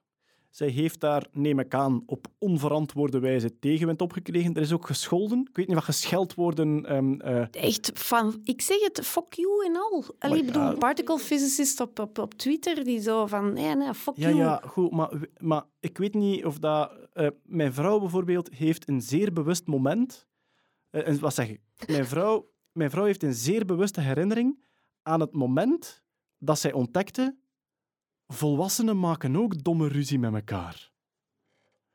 Dus zij was op een bepaald... Dus als kind denkt wij staan op de speelplaats, wij maken ruzie met elkaar en wij roepen en wij zijn dom, maar volwassenen zijn slim en doen dat niet meer. En de eerste keer dat mijn vrouw, ik denk in het begin van haar tienerjaren, volwassenen zag bekvechten, had die een soort existentiële ervaring van, wat? Die doen dat ook. En net hetzelfde geldt voor alle niveaus van politiek en wetenschap. Daar lopen ook mensen rond die domme dingen doen. Dat, dat is gewoon zo. Er Oké, dan heb ik nu net even dat moment. Ik, Ja, maar ik, ik, ga straks bellen naar uw vrouw voor troost. They're only human. They're only Maar er, bestaat, er bestaat geen bovenlaag van Nee. hogere Lord of the Mm. Rings-elfen die zich allemaal gedragen. Helaas bestaat Ik denk in tegendeel, op dat niveau Ja. lopen er gewoon hele grote ego's Ego's. rond. Ja. Die. Er is één verhaal en het is volledig apocrief. En dus ik heb geen enkele bevestiging. Maar ik heb het gehoord van twee of drie werknemers van CERN. Dus die zeggen van goed, op CERN lopen er verschillende Nobelprijswinnaars rond. En die zijn in een geweldige competitie met elkaar voor het volgende experiment. Sommige daarvan kunnen mekaars bloed drinken. En er zijn volgens de overlevering, en alweer, ik heb hier geen enkele objectieve bevestiging van, volgens de overlevering bestaan er security-camerabeelden van één Nobelprijswinnaar die staat te urineren op het experiment van de andere om het op die manier te saboteren. Dus, Stefanie, sorry dat wij hier op deze manier uw geloof in de mensheid moeten wurgen. Nu is de Maar- vraag natuurlijk, wil je 10 miljard geven aan die mensen? Ik heb net heel de funding van CERN om zeep geholpen. Kak. Maar om terug te komen, eh, de vrouwelijke professor had een kritiek en kritieken moeten kunnen. Dus de tegenreactie eh, is, is, denk ik dan, allee, schelden is nergens voor nodig. Maar voor mij persoonlijk, haar, zij is één stem daarin. Mhm. En ik wil daar zeker ook anderen in horen voordat je een voordeel vormt over is die een nieuwe tunnel verantwoord of niet. Hè. Dat, eh, dat en is heb je daar nu nog geen, klaar, geen pasklare mening over? Want dat zou handig zijn zo in de Dat zou, podcast. dat zou ook oeverloos naïef zijn, mocht ik van hieruit proberen om een soort pasklare mening te hebben over Oké, zo'n maar complex. eh, laat ons dan over... eh, we zijn dan toch over sociale. Buikgevoel, lieve. Buikgevoel, wat is je buikgevoel? Wil jij een, dus een future circle collider van 100 kilometer diameter? Als je het mij nu vraagt en zonder enige binding, zou ik zeggen ja. Of maar course. De kosten-baten zijn daarin altijd belangrijk. Hè. Je kunt niet naïef en nihilistisch But you want it, don't you? Of course I want it, Yes. maar ik ben niet zo naïef om dat dan als opperste geloof en dogmatisch feit te lanceren. Maar, we, eh, eh, Stefanie, ik dank u om ons de perfecte overgang te geven naar het volgende item. Wie heeft er al gemeld dat hij graag de nieuwe tunnel wil boren op CERN? Elon Musk. Hij heeft al gezegd dat zijn Boring Company bereid is om de tunnel van CERN te boren, uiteraard. En dat brengt ons natuurlijk naadloos bij... Elon. Elon Musk nieuws. Het is gebeurd. Iedereen rond de tafel en alle luisteraars, het is gebeurd. Wij gaan het Musk-nieuws moeten openen met Jeff Bezos. Oh, Arme die mens. Want Jeff gaat scheiden. Oh. En, en zijn vrouw wordt ineens de rijkste vrouw ter wereld. Inderdaad. Ex- Ex-vrouw. En hij wordt dus niet meer de rijkste mens ter wereld, want zijn vermogen van 100 en miljard, 170 of zo, ik weet het niet juist, wordt in twee gesplitst. Tussen hem en zijn vrouw. En dat, ik vind dat altijd weer zo confronterend. Dus je zit daar met de rijkste mens ter wereld en die moet nu scheiden omdat sms'en naar zijn minnares gelekt zijn. dus dat soort, dat soort banale, alledaagse dingen sluipen toch binnen in het leven van de superrijken. Zo'n beetje lettermeke doen. Zo. Ja, dus eh, alweer, Stefanie, er is geen opperlaag van mensen die boven het kleinmenselijke staan. Nee, nee, nee, nee, nee oké, dat, dat, dat, dat, dat snap ik wel. Maar waarom is dit eh, nieuws? Als we, als we Musk zijn relationele... eh, ja, het Musk-nieuws is toch altijd een mengeling van wetenschap en een beetje roddelrubriek. Hè? Dat, Ja, ja, daar heb dat ik nooit... Voor, die vergadering heb ik gemist. Maar... Oké, dan, dan, dan, doen, dan doen we het buiten uw wil.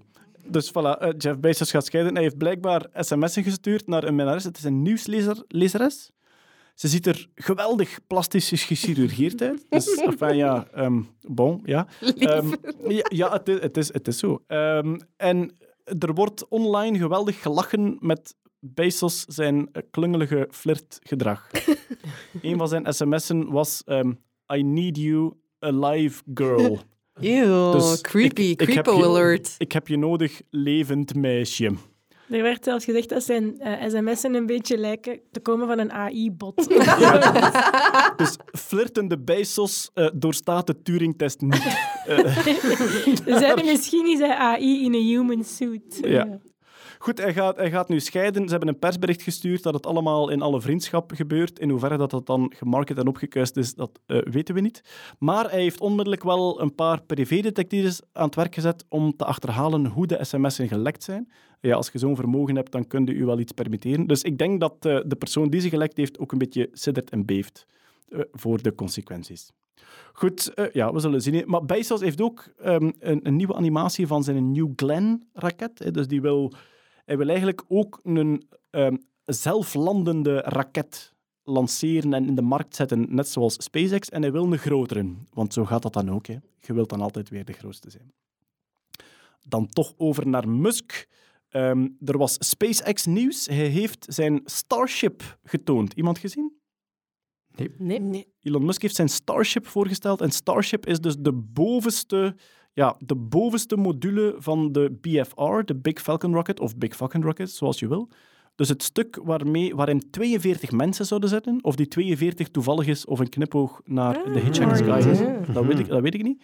Maar hij zou, eh, er zouden 42 eh, mensen in passen, die dus ofwel, ja, dat is ook het, het Starship waarmee ze rond de maan willen vliegen. Hè? Die, die maanreis die gekocht is door die... eh, Ah, ja. eh, was het Chinees, Taiwanese? Ik weet het niet juist. Mode, kunstenaar, Ja, toestand. die dus ja. eh, kunstenaars, artiesten wil meenemen op een reis rond de maan. Mhm. Eh, die al gepland is voor ja, over een jaar of vier, vijf of zo, denk ik zelfs. Ja, goed, gepland in Musk-termen natuurlijk. Eh, maar ook, dat is datzelfde ruimteschip waarmee hij zegt van we kunnen naar Mars en waarmee hij zegt je kunt daarmee van Parijs naar Sydney vliegen in een uurtje. Ah ja, dat. Het ziet eruit als een dikke dildo eigenlijk. Ik, ik had het op een, een suppositoire gehouden. ik, eh, ik waardeer de poëtische vrijheid van iedereen hier aan tafel. Het is inderdaad het is een grote metalen ehm, suppositoire met vleugeltjes aan. En er was direct de reactie online. Hij ziet er geweldig stripverhaalachtig uit. Het is een beetje Ja. een kuifje-raket. Ah, dat Ja. heb ik wel zien passeren. Oké. Maar er zit blijkbaar toch solid science achter waarom hij die vorm heeft. Ook, dat is echt de, de upper stage. Hè. Dus daaronder komt een gigantische booster-draagraket die die moet eh, lanceren, die, die, no- die er nog niet bestaat. Ehm, Er was ook een discussie over de materialen waarmee Ja. je gewerkt had. Hè? inox. Ja. Inox. Stainless steel. Doe Dus, me ja. zo'n beetje zo van... Ik bouw al jaren raketten, alsof ze voor me zijn. Wij bouwen uw raketten. En Oh. Donald Muilen die het Starship bouwt. Ja, ik vind toch een uitdaging voor al onze volgers om daar toch een grafiekje van te maken en die online te, te twitteren eh, onder de hashtag Nerdland natuurlijk. Hè. Donald Muilen die het Starship voorstelt. Inderdaad, eh, eh, stainless steel en als koelsysteem, er komt water uit. Dus het is een raket met poriën en er zou water uitlopen om hem te koelen. En En als je terug moet komen en het water is op, dan... dan brand je op, eh, denk ik. Op weg naar Sydney brand je op omdat het water op is. Ja. Er, er zit een prachtige film met Bruce Willis in de hoofdrol. Ja. Bruce Willis en een dikke dildo waar vloeistof uitkomt. Niet visualiseren. En weet er iemand wat er gebeurd is met het Starship vlak nadat het voorgesteld is? Oeh, wacht. Mm, Er was een prototype, dus, dan Ja, dus in, in, in, ze- er was een een- hele grote. Er was een prachtige Instagram-foto van het Starship met daaronder een astronaut, dat je kon zien hoe groot het was. Eh, Dus een beetje banana for scale, maar dan astronaut for scale. Maar dat was dan een visualisatie. Nee, nee, dat was, een, dat was Ah, het echte... Ja, ze Echte hebben- prototype. Ja, ja, ze hebben echt een prototype gebouwd waar dat ook een testlanceer, allee, een testvlucht of een, of een, ja, een, een testfiring mee gepland stond. En ze hebben die voorgesteld en drie dagen later is hij omgewaaid. Oh, het was van... Van steel. Nee, Nee. Er, was, er was een zware storm in Texas en dat ding is gigantisch groot en staat los op de grond. Ja, maar, En het is omgewaaid. ja, maar dat kan... Oké. Eh, dus het is een beetje het, het begin van de film The Martian, maar dan op aarde. Mm. eh, dan nagespeeld. Dus het is omgevallen en Musk zegt zelf van ja, we hebben, we hebben nu duidelijk eh, meerdere weken vertraging opgelopen. Maar nog altijd plant hij een testfiring, misschien zelfs korte vlucht van het eh, Starship.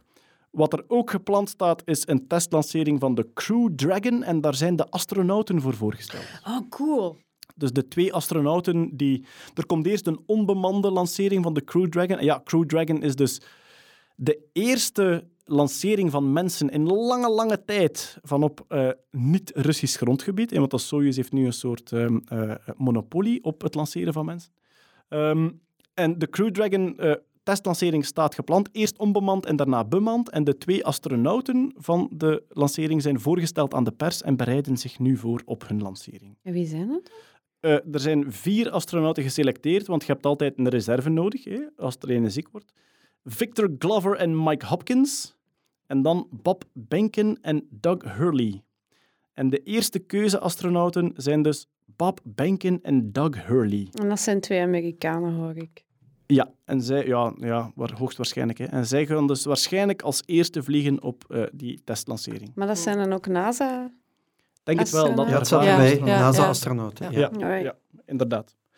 Wat er ook gepland staat, zijn nieuwe Falcon Heavy lanceringen. Dus vorig jaar hadden we de Watch Party hè, van de testlancering. En de Falcon Heavy zou nu in de komende maanden echt voor het eerst dan commercieel gelanceerd worden. Dus we kunnen ons verlekkeren op nieuwe synchrone landingen Oh yeah. van boosterraketten. Ook iets om naar uit te kijken. Goed, dat is wat SpaceX betreft. Wat ehm, eh, eh, Tesla betreft, de wekelijkse levering van 3000 Ja. Model 3's gaat van start op dit moment. Voor En- België. En? Zeebrugge. Nee, nee, Ah, voor nee. heel Europa. Ja, voor heel Europa. Er worden 3000 Model 3's per week geleverd in Zeebrugge voor heel Europa. En als alles goed gaat, zou op dit moment de eerste levering al gebeurd moeten zijn. Dus we kunnen vanaf nu op de straten van België uitkijken naar de eerste Model 3's die rondrijden. Oeh, ik ga dat keihard doen. en waaien. Maar dus, je kunt ook naar Zeebrugge gaan. Er is in, in Zeebrugge is er trouwens een testfacility met 100 jobs die de Model 3's die van de boot komen, moeten eh, opnieuw testen en faciliteren. Dus je Oh, kunt, je kunt voor Tesla gaan werken in Zeebrugge, ja. Die van je fix ons daar, fix ons een plaatje daar. Ah ja, dus iedereen die gelijk wie hier aan de tafel een job wil aanbieden bij Tesla in Zeebrugge, Ja. dat mag. Je kan gewoon mailen naar podcast.nerdland.be. Ja. Maar misschien moeten we gewoon zo, gelijk, ja, je hebt, je hebt zo van die vliegtuigspotters. vliegtuigspotters, Ja, moeten we als vliegtuigspotter aan de haven van Zeebrugge gaan staan. Ja, Model ja, ja. 3-spotter. Ja. Zal dat op die container staan dan? Tesla? Op de boot, ik denk het wel, die doen nogal aan branding, hè? Is dat niet? Nee. Ook wel een beetje gevaarlijk, hè? Ja, ook waar. ja. Ook, ook weer een uitnodiging aan iedereen die in Zeebrugge woont of in de buurt om met een verrekijker foto's te nemen van de levering van de Model 3's. En, Yes, yes, yes. Add, add us ja, voilà, on inderdaad. Twitter. Stuur het ons door. Hashtag Nerdland of podcast.nerdland.be. Trouwens, als iemand zelf een Model 3 wil en daar niet voor wil betalen, dan kan dat. Ja, ik, ik, ik. Musk- Als je ja, hem ja. kan hacken. Nata, Inderdaad. Nata, Nata gaat net 10 centimeter dichter bij de microfoon zitten. Musk heeft gezegd, als je erin slaagt om de Model 3 te hacken, dan krijg je een. Oh. Ja, oh, op- maar come on. Dan is niet fair, er nu al een paar 500 nerds bezig zijn Nee, maar het is, het is op een be- bepaalde conferentie. Hè. Er is een conferentie in Vancouver en daar staat hij drie dagen. En degene denk die er eerste binnen geraakt op die drie dagen, krijgt hem. Ja. Ja. En eh, Marianne, de KU Leuven is er al in geslaagd om andere Tesla-modellen Ja, dat is te waar. Een ouder model, hè? Ja, maar daar zaten nog wel versleutelingen in met minder bits dan dat ze er nu hebben Nee, nee, wat ik hoor is dat Marianne die auto gaat hacken voor ons. En Zullen mijn collega's van Kozik dan zijn, maar ik denk dat de jacht hiermee geopend is. Voilà. Kun je voor elk van ons in een hacken? Ah, ik zal het vragen. Maar het, het, het is dus eigenlijk een soort open uitnodiging naar white hat hackers. Van kijk, als je aan ons een kwetsbaarheid kunt tonen, zijn wij zodanig dankbaar, dan geven wij er u een. Dat gebeurt tegenwoordig heel vaak. Hè. Er zijn heel veel bedrijven die van die bounties hebben. Als Ze noemen dat bug bounties, ja. Ja. Ja. Trouwens heeft eh, Inti de Keukenleider, onze bekendste white hat hacker in Mhm. België, denk ik, ik denk dat hij een bedrijf opgericht heeft waarin hij dus mensen recruteert die dus leven, dus het bedrijf draait op bounties van white hat hacking. Dus zij gaan Ja. echt op zoek naar kwetsbaarheden. Zij melden het eerst aan het bedrijf zelf en aan, ja, aan de bounties die ze daarvan krijgen, kunnen ze het er bedrijf zijn draaien. wel meerdere bedrijven in België ondertussen die dat, die dat zo doen. Ja, Als businessplan, hè? ja, ja, Ah, ja, oké. effectief. Die gewoon een platform aanbieden en die mensen moeten zich dan op een bepaalde manier identificeren. En die bedrijven gaan dan naar ehm, ja, dat bedrijf wat die bug bounty aanbiedt, gaan daar naartoe en zeggen hier eh, heb je een bedrag dat je mocht uitleveren als bounty en ze mogen dit en dit wel en dit en dit niet. En dan laten ze die los en dan kijken ze wie wat vinden. Wat een job, zeg. Ja, Ah, ja maar ik denk, ik denk dat dat redelijk allee, intensief is zelfs. Hè. En Ja, waarschijnlijk, ja. het is Ja. ook maar de eerste natuurlijk die de bounty Ja, krijgt. Ah ja, bounty dus als je, hunters, hè. Ja. Je Wild daar tijd in en je zit niet de eerste dan. Maar ja, Inti, Inti staat trouwens in Quest Magazine, het Nederlandse Quest Magazine, staat hij met een hele dubbel interview, eh, dubbel pagina nu, waarin dat hij uitlegt hoe dat hij te werk gaat als whitehead hacker.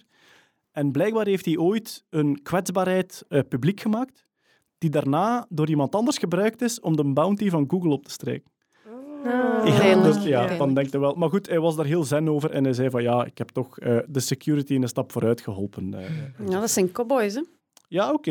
Eh, En liever whitehead hackers dan eh blackheads, denk ik. Voilà. Die het voor Mhm. eigen gewin doen en aan de criminaliteit. Dat klinkt zo wat East Coast, West Coast, maar oké. ja, Liever de Dus- white hats dan ja. black hats. het is meer, eh, het is meer Lord of the Rings, zo de, de, eh, het, het licht tegen het duister. De Mordors, de Mordor-hackers. Eh, hij, heeft ooit, hij heeft ooit mijn telefoonnummer uit Facebook gehaald. Ook, vi- ja, ook via een soort typisch Inti-achterdeurtje was erin geslaagd om, om mijn telefoonnummer te vinden op. Facebook. En heeft hij mij een sms gestuurd. Dus ik kan hem nu terug sms. Super. Dus, eh, vandaar, ja. Eh, we hadden het vorige maand over de toilet humor in eh, Tesla. Dus dat je ehm, protgeluiden kunt programmeren.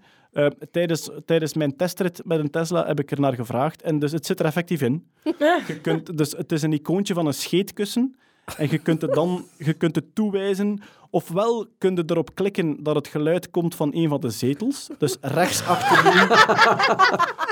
Dus rechts op de achterbank zit uw tante. En jij duwt gewoon stiekem op het protkussen. En er komen scheetgeluiden uit uw tante. En je zegt. Tante Melda, alsjeblieft zeg, gedraag het u een keer. Of je kunt hem toewijzen aan een van de functies. Bijvoorbeeld telkens als je met je knipperlichten pinkt, dat hij in plaats van klik-klik, dat hij zegt. Oh, maar Oh, please, please, zeg mij lieve dat ook de klakson dat doet. Dat kan, als je dat programmeert, ja. Maar dus, Stefanie, het is een beetje afputting Maar voor ik u. vind dat echt een devaluatie van, Oh. van alles waar dat Tesla voor staat. Ik- nee, ik had, eh, serieus. ik had- Ik vind het wel past bij, bij het imago. Hallo, mensen, nee. Ik had, ik had mixed feelings. Eh, Musk was er heel trots op, want hij heeft ook getweet. ehm, als je één ding op mijn grafsteen zet, eh, schrijf dan He invented car toilet humor. Oh my god. Dus ja, Elon, waar is uw Twitter-zitter? Kom, ik, ik, ik stel mijn kandidaat. Maar dus- dit moet beter. wat, wat je krijgt bij die... Ja, die, die Tesla's worden geüpdate, hè, dus die staan in je garage, die verbinden met internet en af en toe komt daar nieuwe software op. En dus die, die toilet humor was één van de features in de nieuwe update. Wat er ook op zat was ehm Valentijn-modus. Oh, good lord. Dus je parkeert je auto, je duwt op Valentine. Wat gebeurt er? Op het scherm centraal op de auto verschijnt er een haardvuurtje. De verwarming wordt op maximum gezet. En er begint Barry White muziek te spelen. Ja, ja, ja. En, en, en ze dampen je ruiten aan dan. Ja, dat gebeurt een beetje vanzelf, denk ik, door wat er daarop volgt. Maar dus dat soort zottigheden zitten blijkbaar. Maar Stefanie is nog altijd niet overtuigd. Nee, alsjeblieft zeg. Zeg, zet jij nu weer langzaam naar het Musk-skepsis? Ja, Jeroen is hier niet, dus je moet een beetje zijn Nee, taak nee, nee, nee, overnemen. nee, nee, nee, nee. Ja, ja, misschien naar het Elon-skepsis-kamp. Maar, maar nee, maar Tesla is beter dan dit. Alsjeblieft zeg. Scheten en Valentijn, waar zijn we mee bezig? Come on. Je bent een beetje in een, in, in een strenge tante aan het Ja, ik veranderen. ben, nu, ja, ja, misschien af en toe moet dat. ja, voilà. Goed, eh, we gaan over naar eh, ehm, eh, Apple. Er was een bug in FaceTime, blijkbaar. Maar eh Marian, de, Ja. de officiële versie komt pas over een paar dagen gemeld, Ja, denk er ik. is al wel gemeld dat die bug er is. Dat is trouwens ontdekt door gewoon een, een klein jongetje. Eh, het bleek als je een groepsgesprek aanmaakte en de andere kant aanvaarde je je oproep niet, dan op een of andere manier kon degene die het gesprek had aangemaakt, kon dan toch toevallig nog horen wat er rond die gsm gezegd en, en gedaan werd. Dus je Wow. kon even, even afluisteren Ja, als de andere uw gesprek Ja, weigerde. maar het moest een groepsgesprek zijn en dat moest geweigerd worden, dus onder heel bepaalde omstandigheden. Maar die jongen had dat toevallig ontdekt en zijn moeder heeft dat dan gemeld. En Apple eh, heeft, eh, heeft nu laten weten dat ze, het dus ja, dat ze het weten en dat ze aan het werken zijn. En dat ze daar dinsdag, eh, dat is bij ons morgen, maar ik vermoed eh, als de podcast uitkomt dat het al gepasseerd is, ehm, dat er dan een nieuwe mededeling over gedaan wordt. En er stond in het bericht ook hoe dat je je FaceTime kan afzetten via settings. En dan ga je naar FaceTime, dan doe je disable. En dan kunnen ze het voorlopig niet doen bij jou. Maar dus, zoals het nu klinkt, het is duidelijk een foutje, maar het is heel moeilijk exploitable, want het hangt ook af van de acties van de andere kant, of dat het u lukt of niet om af te luisteren. Ja, maar de actie is gewoon dat hij jouw gesprek niet... eh, Weigert, ja, dat hij het gewoon gesprek weigert. Dus ik denk dat het niet zo heel erg moeilijk is. Oké, ja. Goed, eh, we gaan zien wat de officiële mededeling brengt. En dan eh, bij Facebook waren er ook een beetje troubles. Zij hadden ehm, tieners centen aangeboden om al hun data over te leveren. Blijkbaar is er een, een, app waar dat eigenlijk wel niet duidelijk bij staat dat het van Facebook komt, maar het blijkt wel uit Facebook Research te komen, die tieners aanbiedt om eh, in ruil voor 20 dollar per maand eh, toegang te geven tot al hun mobiele data. Dus eigenlijk zet die gsm dan een VPN-connectie op met een remote server en die mag daar alles over sturen. En die tieners denken, mooi verdiend. Maar natuurlijk is heel de discussie nu dat dat een heel makkelijke doelwitten zijn. En dat Tuurlijk. Dat toch niet oké is. Maar ja, een, een tiener is voor 20 euro, denk ik, ja, heel snel eh, denkt hij van, oké, easy money, hier kan ik wel iets mee, maar je hebt Ja. gewoon geen besef van hetgeen dat je allemaal vrijgeeft. Ja. Ja, ja.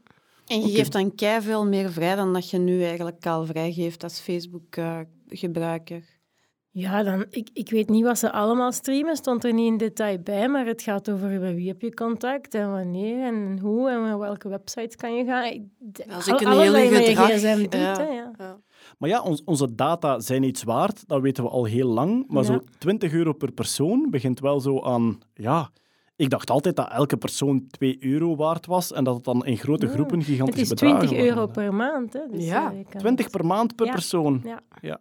En geef je dan zoveel meer vrij dan dat je normaal gezien vrijgeeft? Want anders dan Ik I denk sign dat we niet beseffen hoeveel dat je Mm. vrijgeeft. Dus waar Ja. dat je gaat en staat en wat dat je Mm. doet. En, eh, ja. Ja, maar nee, maar dat doen we nu al niet. Dus ja, maar die data ligt niet zo hard denk ik, bij één is een partij, manier inderdaad om dat op, e- op, op één manier alles te kunnen zien van iemand, heel die zijn gedrag te kunnen analyseren. Ik denk dat dat inderdaad wel erger is dan wat daarvoor gebeurde. hmm. Maar er staat zo'n onderzoek in ehm, 21 lessen voor de 21ste eeuw van Harari, zijn, zijn nieuwste boek. En er staat een onderzoek in van Facebook dat vanaf dat je boven de... En het, het, het getal ben ik, ken ik niet meer van buiten, maar vanaf dat je boven de 150 likes zit op pagina's van Facebook, scoort Facebook beter dan vrienden en familie over kennis wie dat je zijt.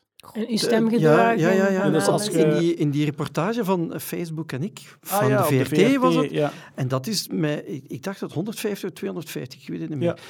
Want hij had gesproken met die, die professor van, van Stanford, denk ik, die heel dat onderzoek heeft gedaan naar hoe, hoe kan je al die gegevens van iemand vastkrijgen, waar ook eh, Cambridge Analytica zich op gebaseerd heeft. Ja. Hij was met die man gaan spreken en hij vroeg inderdaad van hoeveel likes heb je nodig? Het was 150 of 250, ik wil er vanaf zijn.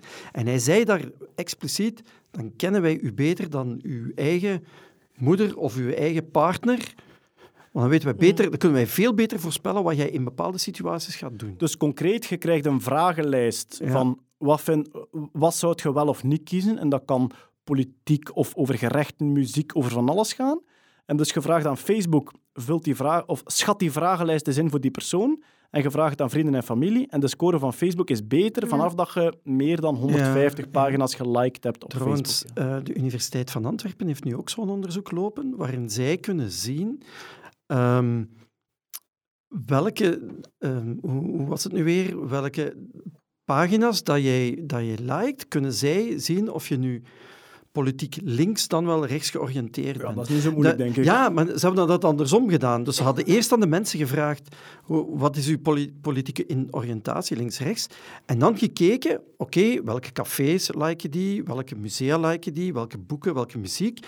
En uiteindelijk konden ze dat dan om... Dacht ik, had ik toch begrepen, dan daarna omkeren. Dus als je dan gaat kijken van, oké, iemand liked dit en dit en dit en dit, dus die is dan rechts of zwart links georiënteerd. Ze hebben ook een onderzoek gedaan met eh, zwevende kiezers. Hè? Ja. Dus je, selecteert een groep van mensen die duidelijk zeggen ik heb nog niet beslist wat ik kies voor de verkiezingen. En die geeft je een eigen zoekmachine. En die zoekmachine die biast je links Mhm. of rechts. En zij hadden, dus van de twee groepen zwevende kiezers, hadden zij, volgens dat zij wilden sturen links of rechts, hadden zij een paar tientallen procenten die zij duidelijk naar een kant konden sturen. Ah, Dus het was dan ja, iets ja. van, ja, s- 75% ging de ene kant of 75% ging de andere kant, volgens dat zij wilden. Ja. Is dat ook niet een beetje hetgeen wat er eigenlijk het grote schandaal is achter, achter de, de vorige Amerikaanse president? Ja, natuurlijk. Dat is ook wat Cambridge Analytica deed. hè. Ja, Dus- nee, maar dat, dat, dat het niet zo is van ja, iedereen wordt geïndoctrineerd, maar de mensen die een beetje twijfelen, die een hè? beetje... Klopt. Ja, Ja. een bias. Harari beschrijft dat weer magnifiek, vind ik, in zijn boek. En hij zegt dat computers te hacken zijn, dat wisten we al. Maar wij hebben onszelf Ja. via ons schermetje verbonden aan het internet. En nu zijn personen ook te hacken. Ja. Ja. Gewoon door welk nieuws dat je ze stuurt en welke Right. En dan dat je kunnen we natuurlijk weer tegenoverstellen van vroeger zat jij op café en wist jij ook niet goed voor wie dat je ging stemmen. En dan was het afhankelijk van met wie dat jij aan een toog Ja, zat maar die dat je ging Maar overtuigen. nu word je voortdurend bestookt met berichten. En- En het kan vooral- gepersonaliseerd vooral. ja, En- en gepersonaliseerd, dat en is het het kan juist. op veel grotere schaal, waardoor Ja, de macht bij veel minder mensen ligt. Op café konden twintig mensen overtuigen, klopt. nu kunnen honderdduizenden. Nog een dat- ander, een ander conspiracy theorytje dat de ronde ging op Facebook was, er was blijkbaar zo'n hashtag, de, de, de 10-year Ja, challenge. de 10-year Ah, ja. challenge. Ja, je toont u uw foto van tien jaar terug Mhm. en van nu. En mensen zien van, oh, jij bent veranderd op die en die manier. Mm. Maar opeens kwam er daar een eh, samenzweringstheorie dat dat een, ehm, een bewuste sturing was om gezichtsherkenning te trainen Mhm. op evoluerende leeftijd. Mhm. Maar is daar nu iets van aan of niet? Maar ik denk niet dat er een... Of het originele tweet kwam van Kate O'Neill, eh, dat is een, maar die mevrouw had dat niet gelanceerd als samenzweringstheorie. Wat ze eigenlijk zei is, mijn 10-year challenge, me 10 year ago, I would just, ik zou gewoon die 10-year challenge hebben gedaan, me now. Ik vraag mij af of deze data misschien eh, gemined, hè, gemijnd gaat worden om faceherkenning te verbeteren op basis van mijn gezicht. Dat was eigenlijk alles wat zij zei. Vroeger zou ik dat niet erg hebben gevonden. Nu, ah, ik denk daar toch over na. Maar dat is dan inderdaad geëxplodeerd en die tweet is gigantisch vaak gedeeld en mensen zijn erover beginnen nadenken van, ah ja, tja, eigenlijk geven we inderdaad nu aan eh, Facebook of andere social media de perfecte eh, twee foto's die hetzelfde voorstellen met tien jaar verschil. En dat is een gigantische schat aan data dat weer maar eens in handen komt van dezelfde groep Ik mensen. heb dat keihard ook gedaan zonder erover na te denken, want tien jaar geleden zag je echt gewoon debiel uit, dus ik was blij. Maar eh, los van het feit, in handen van dezelfde groep mensen, dat is publieke data. Hè? Dus iedereen kan Ja. dat minen nu. Hè? Op die hashtag kan gelijk wie dat minen. Maar goed, ik wil daar toch even tegenover zetten. Langs de andere kant, ik zie er momenteel het schadelijke niet van in. En misschien ben ik naïef of voortvarend, maar de moment dat je effectief eh, artificiële intelligentie kunt trainen op zo ziet een verouderingsproces van tien jaar oud eruit, dat lijkt mij iets nuttig en iets handig dat je zegt van ja, we kunnen nu berekenen hoe dan een perso- bepaalde persoon veroudert. En er zullen wel weer Mm. misbruiken te verzinnen zijn en zelfs ook verzonnen Ja. worden. Maar het zou wel iets interessants zijn om vermiste personen dan te zoeken. Maar dat Ja. doen ze eigenlijk toch ja, al niet? Ja, Ik dat, proberen ze, maar dan, is het, dan krijg je misschien artificiële intelligentie die dat veel wel. nauwkeuriger kan reconstrueren. Maar inderdaad, Want, die Kate O'Neill schetst dat ook heel mooi. Ze zegt eigenlijk, er zijn heel goede dingen die ze kunnen doen, zoals hè, verloren kinderen, zien Ja. hoe zouden die verouderd zijn. Dan zijn er dingen dat mensen zeggen, ja, wil ik dit wel? Bijvoorbeeld, je kunt veel beter inschatten hoe oud iemand is. En ze maken dan van die reclameborden, dat als je daar langs loopt, dat je eigenlijk advertenties krijgt, je specifiek gericht op uw, ja, niet alleen uw ras en uw geslacht, maar ja, ook op ook uw uw leeftijd. leeftijd. ja. Dus dan kun je al zeggen, ja, willen we dat wel? En dan zeggen ze, je kunt nog verder gaan. Je kunt dus ook gaan inschatten hoe snel een persoon aan het verouderen is en of die eigenlijk sneller veroudert dan die eigenlijk zou moeten. Dus je verzekeringspremie kan de lucht ingaan als jij duidelijk sneller aftakelt of er minder goed Mhm. aan toe bent dan je leeftijdsgenoot. Altijd Nu- veel addertjes onder het gras. Ja, het is eigenlijk wel een beetje vergezocht kunnen zeggen, maar eigenlijk elke goede technologie heeft altijd bijwerkingen dat je op het eerste zicht niet aan Mhm, denkt. mhm. En ik denk dat wat zij wou, en dat vind ik echt supergoed, is gewoon... Mensen, we moeten daar af en toe eens over nadenken. Ja, ik denk, ga- gaat het ook niet ook om, om, om consent? Hè? Want die, die, eh, da- daar ging het voor mij over. Van, ja, oké, dit is gewoon eh, een trend, een hashtag. Maar ja, die kan mogelijk hè, gemined worden, terwijl we er helemaal geen toestemming voor hebben Maar je maakt gegeven. het publiek, hè? Je maakt het zelf publiek, hè? Je maar maakt dat zelf- beseffen we niet genoeg. Right, maar dat, was daar niet een beetje... Allee, dat, dat was voor mij een beetje het, het mogelijk schandaal, van dat Ja. dat dan zo, zo gezegd zou kunnen gebruikt worden voor, voor dingen, terwijl je daar eigenlijk geen toestemming hebt gegeven. Nu, wat heel goed is, denk ik, is dat dat af en toe in de media komt en we gaan ons daar bewuster van worden. En ik denk de komende jaren gaan we het meer en meer hebben over privacy. En je merkt dat ook aan al die techbedrijven. Bijvoorbeeld, Mark Zuckerberg heeft elk jaar zo'n resolutie voor het nieuwe jaar. Hè. Het ene jaar zegt hij, ik ga alleen dieren eten die dat ik zelf heb gedood. Enfin, Ja, dat is dat juist, is dat is juist. altijd zo. Ja, ja, ja. Maar dit jaar, in 2019, zei mijn resolutie is conceive people that Facebook isn't evil. Dus dat is, ja, voilà, dat, zijn moet- resoluties dat, dat zou dit eigenlijk jaar. tien jaar geleden... En Ja, ons wat. Hij gaat dat in, in één jaar tijd doen. Voilà, dat is zijn resolutie. Het is En- jammer dat Jeroen hier niet en is. je ziet... ik, vond, ik vond die tweet van een van de, eh, dat was een milieuwetenschapper, die had dat ook zo 10-year challenge. Dan had hem zo, ene foto was een gletsjer, de andere gletsjer Ja, weg. gletsjer. Mm, ja. Trouwens, wat je net zei, Peter, over zo de software die er nu al is om gezichten ouder te maken, dat was, dat was frappant. Nathalie Kampusch, hè, die zo lang Ja. opgesloten gezeten heeft, die software die haar gezicht berekend had, die was verbluffend accuraat. Ah, dat ja, was griezelig hoe kloef op dat die er zat. En hoe, of dat, dat dan een toevalstreffer is, maar dat was echt Mhm. zo goed gedaan. Dus er bestaan nu al blijkbaar specialisten die het kunnen. Ja. Ik neem aan met heel duur en langdurig onderzoek. Maar een AI kan dat misschien automatiseren en, Ja. en voor iedereen gangbaar maken. Hè. Dus dan komen we in een situatie dat je een foto trekt van je klein en dat de computer berekent hoe dat die gaat verouderen. eigenlijk. Ai. Oh, eikens. Maar nee, maar dat kan toch eruit ziet dat ze dat is, dat is een beetje gezeven. Je moet eigenlijk maar één foto trekken als hij geboren wordt en al de rest zit in je fotoboek. Maar nee, dat is Maar ja, aan- trouwens, aan de KU Leuven, het zit ook in mijn voorstelling, aan de KU Leuven zijn ze nu bezig met gezichtsvorm uit DNA halen. Dat het erin zit, dat het erin zit weten gewoon als je naar identieke tweelingen kijkt. Hè. Ja. Maar dus gezichtsvorm uit DNA halen, je moet, je moet dat nu gewoon een keer googlen. Ehm, eh, facial recognition purely from DNA data. Amai. Het is een beetje griezelig waar ze nu al staan. Ze kunnen al redelijk veel en dat gaat waarschijnlijk alleen maar vooruit gaan. Dus, eh, bon.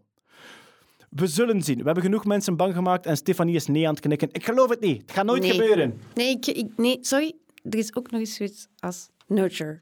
Natuurlijk, absoluut. En dat heeft veel influence. Ja, dat, dat heeft een influence. It's not all Ah. nature, it's not all nurture. Nee, natuurlijk niet nooit. Maar- het is altijd een u- beetje van de twee. Ja, je dat is gezicht het. trekken zijn toch niet nurture? Ja, maar als je roljocht en in de jawel. zon Ja, ligt. zeg, maar zo- Netta, ik heb een tip voor u. Zoek eens een foto op van Ja. Bart de Wever, tien jaar terug en nu. Er is wel duidelijk een nurture-factor. Maar daarmee kunnen we het Musk-nieuws besluiten en de andere eh, gorillas van eh, Silicon Valley, zoals we het altijd doen. En gaan we terug over naar nog enkele onderwerpen die we willen behandelen. Zoals eentje, goh, een kleintje. Er is een Israëlische start-up die beweren dat ze een cure for cancer hebben binnen het jaar. Oh, Hetty, uw body language. Ik wou dat we uw body language op de podcast kunnen gooien. Je druipt van de sceptisch, Hetty. Oké, moet ik het in vier woorden of in vier minuten uit? In vier neem woorden. de tijd die je is- wilt om het duidelijk te maken. Het is... De vier woorden zijn: het is complete onzin en tragisch. Alright. Het onzin En nu gaan we voor Ja, de vier er minuten. Ja. Dat zijn er vier, hè? Ja. Eh, nee, inderdaad. Een Israëlisch bedrijf, eh, Accelerated Evolution Biotechnologies, die eh, beweert inderdaad een complete behandeling te hebben voor kanker binnen het jaar. En kanker, dat is ook allemaal hetzelfde volgens Voilà, hen. hè? dus Ja, dat is al mijn eerste punt. pilletje. Ja, dus een complete cure, een compleet medicijn. Kanker is niet één ziekte. Dat is wat onderzoek de laatste jaren toch heeft aangetoond. Ehm, dus het is zeer onwaarschijnlijk dat één therapie voor alle kankers werkzaam en effectief zal zijn. Ehm, opnieuw, en het begint een beetje ziekte te worden van deze tijd. Hè. Ze komen met eh, zonder data. Het is een mediaverhaal. Het is de, de CEO van, eh, van het bedrijf die, die dat claimt. Er zijn eh, geen publicaties. Er is niks waar we op, ons op kunnen baseren om dat eh, te checken. Jongens. Dan blijkt, eh, journalisten bellen dan terug en proberen dan wat, wat meer verhaal te, te halen. Ehm, er zijn data op muizen die goed werken en op cellijnen. Ehm, maar goed, een keer dat je iets hebt dat werkt in muizen, moet je daar nog klinische trials van gaan doen in mensen. Ehm, we weten allemaal, uh, dat duurt niet één jaar. Dat duurt minstens tien of twaalf of vijftien jaar. Dus dat is al één iets. Ik bedoel, ze kunnen het gewoon niet. Maar binnen in die dit... muizen werkt het wel voor verschillende soorten kankers. Nee, dus dat Ah. weten we ook niet. Hè. Voor wat werkt het? Allee, het, is, het is allemaal zeer vaag. eh, maar puur theoretisch kan het al niet. Hè. Je moet nog een trial door in mensen. Ehm, en ja, het is, het is voornamelijk een, een reclamestunt van dat bedrijf. Dat, dat zou in, in slechte papieren zitten. Ehm, maar goed, waarom zeg ik dat dat tragisch is? Omdat het mensen heel veel valse hoop geeft. Ja, dat is zo. Ja. we moeten ons daar meer en meer van bewust zijn Mhm. dat die, wat die mensen... Allee, ik denk, we kennen allemaal misschien iemand die, die al dan niet terminaal is, maar wat zij oppikken uit die, uit die krantenkoppen, dat is dit, hè. Volgend jaar genees ik. Ja, maar Mhm. nee, ik bedoel, dit, dit klopt, dit is... En dat vind ik er zo tragisch aan. Ook gewoon het feit van doen alsof dat dit iets heel simpel is, dat binnen het jaar wel kan genezen worden. Dat voedt dan weer die, die conspiracy-theorieën van ja, de farma's hebben al lang een oplossing, maar ze willen het ons onthouden, enzovoort, enzovoort. Ik vind het... Nee, doe dat niet. Ehm, blijf daarvan weg. Dus Maar ik ben daar een, een, een beetje kwaad over. Hebben ze iets gemeld van behandelmethoden of technieken? Of... Ze hebben, eh, de techniek heet eh, Mutato, staat voor Multi-Target Toxin. Dus ze vallen eigenlijk de kankercel aan met meerdere toxines tegelijk, met meerdere stoffen tegelijk. Dat is wat we weten. Dus zoals een chemo, maar dan Ja. een soort cocktail van chemo's. Ja, een cocktail van peptiden, van hele korte eiwitstukjes. Eh, en zij claimen, ja, door het feit dat wij op, op drie vlakken tegelijk die cel aanvallen, is dat super effectief. Ehm, zonder bijwerkingen, effectief vanaf het eerste moment. En je moet maar een week in het ziekenhuis liggen. Dat is, dat is bullshit tot en met. Dus. If it sounds too good to be Voilà. true, it's Echt. mostly not Ja. true. Ja. Eh, er was nog iets anders, eh, ongeveer in hetzelfde genre. En ja, ik check uiteraard ook de geloofwaardigheid bij u. Mhm. Er zouden eh, kippen genetisch gemanipuleerd zijn om een soort kankermedicijn in hun eieren Ja. te krijgen. Ja, dat is ook weer een verhaal dat is gepubliceerd in een journal met vrij lage impactfactor. Nu, dat is voor mij geen reden om dat onderzoek al dan niet te, te beoordelen op kwaliteit. Maar dat produceren van, van medicijnen in kippeneieren, dat is iets waar we al vrij lang naar op zoek zijn. Al veel, veel vaccins worden in kippeneieren gemaakt, Ja. virusvaccins. Ja, En waarom, en waarom doen we dat in kippenei? Eh, wel, het, eigenlijk het, het heel, de, de snelst groeiende tak van de farma-industrie, dat is het aanmaken van eiwitten. Van, insuline bijvoorbeeld is daar het, het beste Mhm. voorbeeld van. Hè. Dat is een eiwit op zich. Dat staat tegenover zo, ik zeg maar iets paracetamol, hè, dat zijn eh, Chemicaliën, alle chemicalen, ge- organische, anorganische verbindingen. Meestal maken we dat in heel grote bioreactoren van, van bacteriën of van gisten. Dus we coderen er eigenlijk het menselijke gen in. We zorgen dat die dat aanmaken. Want een, een gen bevat een bouwinstructie Ja. voor eiwitten. Ja, inderdaad. Dus een gen DNA wordt overgeschreven in RNA en wordt dan vertaald in een eiwit. Dat is de, de stap, het dogma, het centrale dogma van de moleculaire biologie. Ehm, maar dat is vrij duur. Sorry, dat is vrij duur allemaal.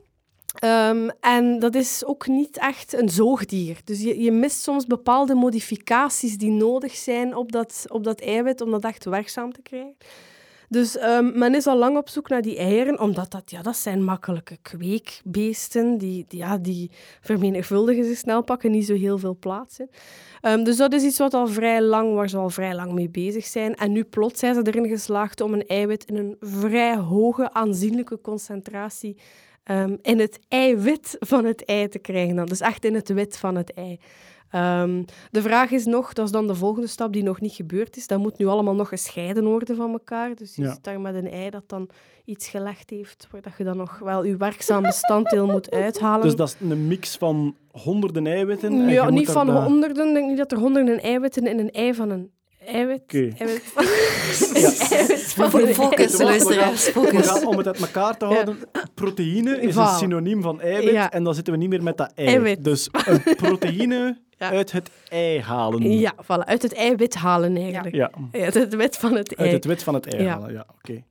Maar eh, ja, Ehm, ja, op zich niet, ja, niet onbelangrijk of zo, maar goed, het is vrij, vrij vergroot en uitvergroot in de pers. En, hoe, eh, hoe hebben ze de kip gemodificeerd? Met de lentivirale transductie. Dus eigenlijk met een, eh, ja, typisch een oudere manier om via een virus een gen binnen te Ja. krijgen in eh, het kippenembryo. Een virus dat sowieso probeert om zijn DNA in uw Te cel te krijgen. Incorporeren in de cel van de kip in dit geval, en die dat dan ook doet. Ja, Dus een pre-CRISPR-methodiek. ja een oude... Ja. En waarom geen CRISPR, Hedy? Opnieuw hetzelfde antwoord als vorige keer. Denk, ik denk dat ze hier al heel lang mee bezig zijn en Ah, dat het iets wat, wat werkte en, eh, en Ja. dat ze dat gewoon verder gebruikt hebben.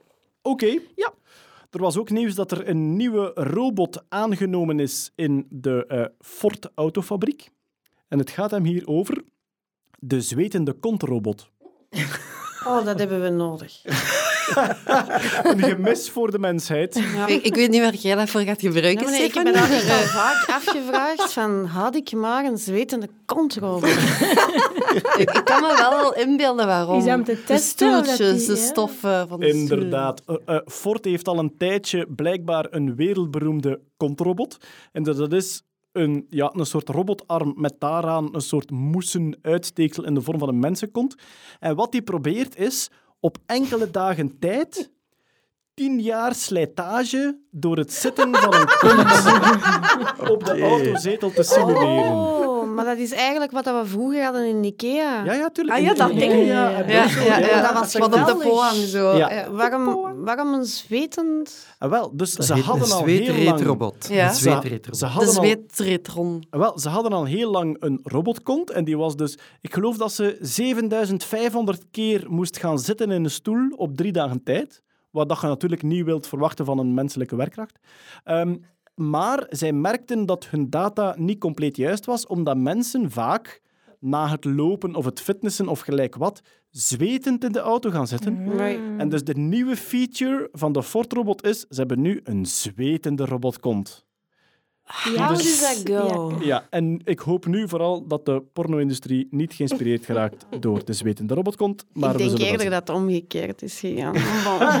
Het bestond al. Ja, het ik denk het al. wel. Ja, goed. Ja, is dat, is dat niet het idee van... Like, als je aan iets denkt, van, van, dan is er wel een porno van waarschijnlijk al. Er is altijd een porno-variant van. Ja, Waarschijnlijk is het zo gegaan. Want Ja. de menselijke geest heeft zijn creativiteit in bepaalde domeinen Ja. iets actiever gezet dan in andere. Eh, om misschien in hetzelfde genre te blijven, er was weer nieuws van Uranus. En zoals we allemaal weten, als er nieuws is over Uranus, is er een soort wedstrijd in de Engelstalige science communication om de beste krantenkop te verzinnen. Het is alweer jammer dat Jeroen Baart hier niet aanwezig is, omdat we allemaal weten dat hij fan is van het genre. Natta, weet je nog hoe de eh, kop exact geformuleerd was? Het, is, het is eigenlijk niet iets nieuws, liever, maar vanwege de kop vind ik dat we het toch We moeten brengen. Het is... NASA wants to probe deeper into your anus than ever before. Je moet dat opnieuw zeggen, want dat was een beetje te... Oké, nogmaals. NASA wants to probe Uranus deeper than ever before. Voilà. Ja. Dus het, het gaat hem over. Maar het is, het is eigenlijk nog amper nieuws, want het is nog maar een zeer vroeg plan om een probe naar Uranus te sturen. Het die is, ook al, dus- het is ook eigenlijk al een, een jaar lang dat dat een beetje op het internet circuleert. Dus ik denk dat het m- meer krantenkoppig is dan dat het effectief nieuws is. Maar, Maar het, toch, gaat dus, over wat gaat het? het gaat dus over een, een, een, een lander met een boorkop, maar het is echt een plan dat nog niet eens goedgekeurd is. of gelijk- 2030 lees ik, dan zullen de plannen ongeveer zijn. Dus volgens mij Ja. is zoiets wat NASA heeft gezegd van we gaan dat ooit wel eens proben. En internet doet just went with it. Ja. En nu in, de, zijn in de podcast in 2030 gaan we er zeker op terugkomen. Maar dan gaan we eens goed lachen. Ah. Elke wetenschapsjournalist die weet waarmee hij bezig is, heeft een constante Google search openstaan op Uranus om te zien of hij er een dubbelzinnige quote van kan maken. Ja, ik Voilà. weet nog, vorig jaar met Jeroen waren we aan het lachen inderdaad met de gases van Uranus. Ja, het ging over eh, Uranus opens and closes once a day. ja. en de volgende was ehm, Mysterious light shines from Uranus. Ik weet ook niet waarom. Je kunt dat blijven zeggen en ik blijf daarmee lachen. ja, we gaan ooit een klein boekje uitbrengen met alle krantenkoppen die er ooit over Uranus eh, verschenen zijn. Hetty, we gaan terug naar jou, want ehm, eh, er zijn in China aapjes gekloond. Ja. Maar we moeten er even bij zeggen, heel veel zoogdieren worden vandaag de dag al routineus gekloond. Honden, katten, paarden, Mhm. dat, dat is bijna een routineoperatie geworden. We zitten niet meer in het tijdperk van Dolly het schaap, waarin dat Nee. aards moeilijk was. Nee. Maar primaten en mensen dus ook zijn moeilijker. Ja. Omwille van een soort genetisch mechanisme bij de bevruchting of zo. Ja, wellicht iets epigenetisch. Ja, iets wat het inderdaad een stuk moeilijker maakt om die En dus te gaan... epigenetica, dat zijn bepaalde methylgroepjes die Ja. op ons DNA staan Ja. om genen aan en uit te schakelen. ja. Inderdaad, ja. klopt. Volledig. Niks aan toe te voegen.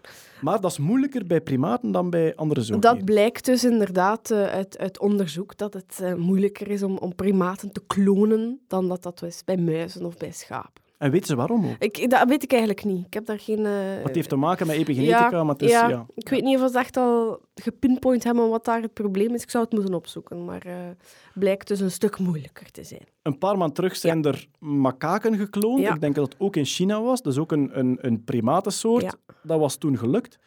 Wat ze nu geprobeerd hebben, denk ik, is het klonen van apen die daarvoor al genetisch gemanipuleerd Ja, waren. dit zijn ook makaken. Die makaken waar jij over spreekt van begin vorig jaar, denk ik van januari 2018, die waren gekloond vanuit een, een feutale cel. Oké. Dus daar hebben ze als, als startcel hebben ze eigenlijk iets feutaal genomen. Iets wat eigenlijk op zich nog vrij immatuur is. En dichter ligt bij een embryo Exact, dan een ja. volwassen cel. Hier hebben ze inderdaad de eerste stap, wat ze hier gedaan hebben, ze hebben één makaak genetisch gemanipuleerd met CRISPR.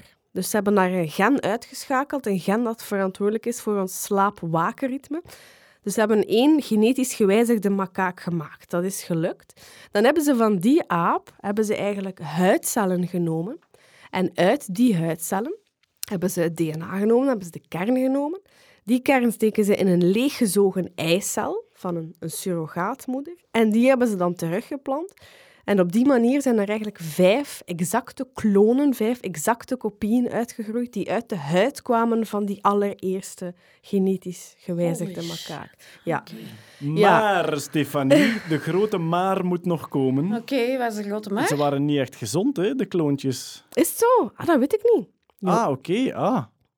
Eh, vo- ja, vo- volgens wat ik zag verschijnen, ehm, hadden ze allemaal een bepaalde aandoening. Ja, Sommige maar waarschijnlijk hebben ze die slaapziekte. Ja? Nee? Ja? Ja, nee, eh, eh, blijkbaar waren sommige schizofreen. Is het echt? Was er heel veel onderlinge agressie tussen de jonge Oké, apen? nee, en- dat heb ja. ik niet gevolgd. Ja, maar Ik het, eh, schizofrenie, schizofrenie onder apen is niet bepaald allee, een wetenschappelijk Oké, ja, consensus. dat is niet zo Dus duidelijk is- bepaald. is. Ja, nee, dat, zou- ah, dat zou ik moeten... Ik heb het eh, artikel in Nature gelezen, waarin dat ze dus verslag deden. Het is echt de eerste keer dat dit wel gelukt is. Dus het is wel een primeur. Het is de Mhm. eerste keer dat ze echt uit een volwassen aap, uit volwassen huidcellen, een, een nieuwe, nieuwe Ja. apen kunnen klonen. Maar inderdaad, ze hebben daar een gen uitgeschakeld in die slaap-waakcyclus, die ook verband houdt met depressie. Dus die wel allee, iets doet in ons brein en waarvan ze graag zouden onderzoeken in een iets ja, primaatachtiger brein wat het doet. Maar ik had inderdaad niet gelezen of niet gezien dat daar Maar schizofrene eh, apen, dat lijkt mij een beetje, dat lijkt Ah, mij een beetje eh, hysterie. eh. Ja. Wat, wat, wat, er gemeld was, wat er gemeld werd, was dat, dat alle apen afwijkingen, dat alle gekloonde aapjes afwijkingen hadden, ofwel lichamelijk ofwel geestelijk, dat ze zich niet normaal gedroegen, dat ze elkaar aanvielen enzovoort. Oké. Maar we moeten dan misschien een keer dubbelchecken ja, om te zien hoe dat precies zat. Alright.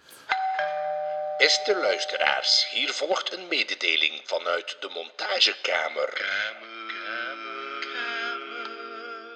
Hallo allemaal, dit is terug Hetty vanuit de montage.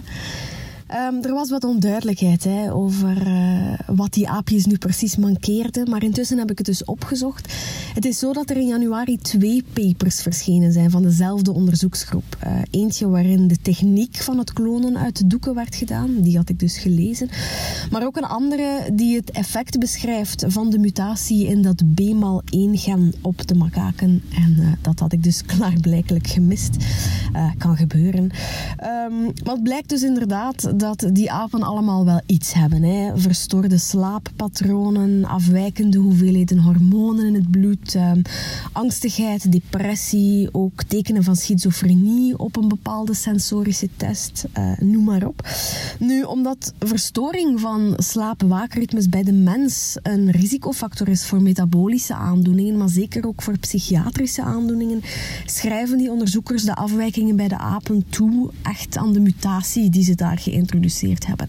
En ze stellen dat ehm, dit nu een, een zeer goed proefdiermodel is om onderzoek te doen naar verstoorde slaapwaakritmes bij de mens. Bij deze. Einde bericht. Ja, voor we het vergeten, er is ook een CES-beurs geweest. Hè? De eh, Consumer Electronics is dat, denk ik. Consumer Electronics Show in Las Vegas, ja. Dus dat is een jaarlijkse show in Las Vegas waarop dat heel veel bedrijven willen uitpakken met de nieuwe dingen die ze ontwikkeld hebben. En er was weer heel wat te rapen. Ik weet niet wie het gevolgd heeft. Ja, ik heb het wel gevolgd. En Ehm, wat waren uw favorieten? Ja, er zijn altijd de nuttige favorieten en de nutteloze favorieten, maar wel leuk. Je mag zelf kiezen waarmee dat je begint. Ik zal beginnen met de nuttige. En wat ik heel knap vond, waren eh, een, een tv. Dat is een tv van, ehm, van Samsung. Waar dat je eigenlijk... Die rolt gewoon op en die is weg. Het Dus, oprolbare scherm. ja, dus heb je eigenlijk een scherm, dat zit in, in een bakje op een rol. En als je wil tv kijken, rolt dat omhoog. En dan heb je ineens zo'n 65-inch scherm.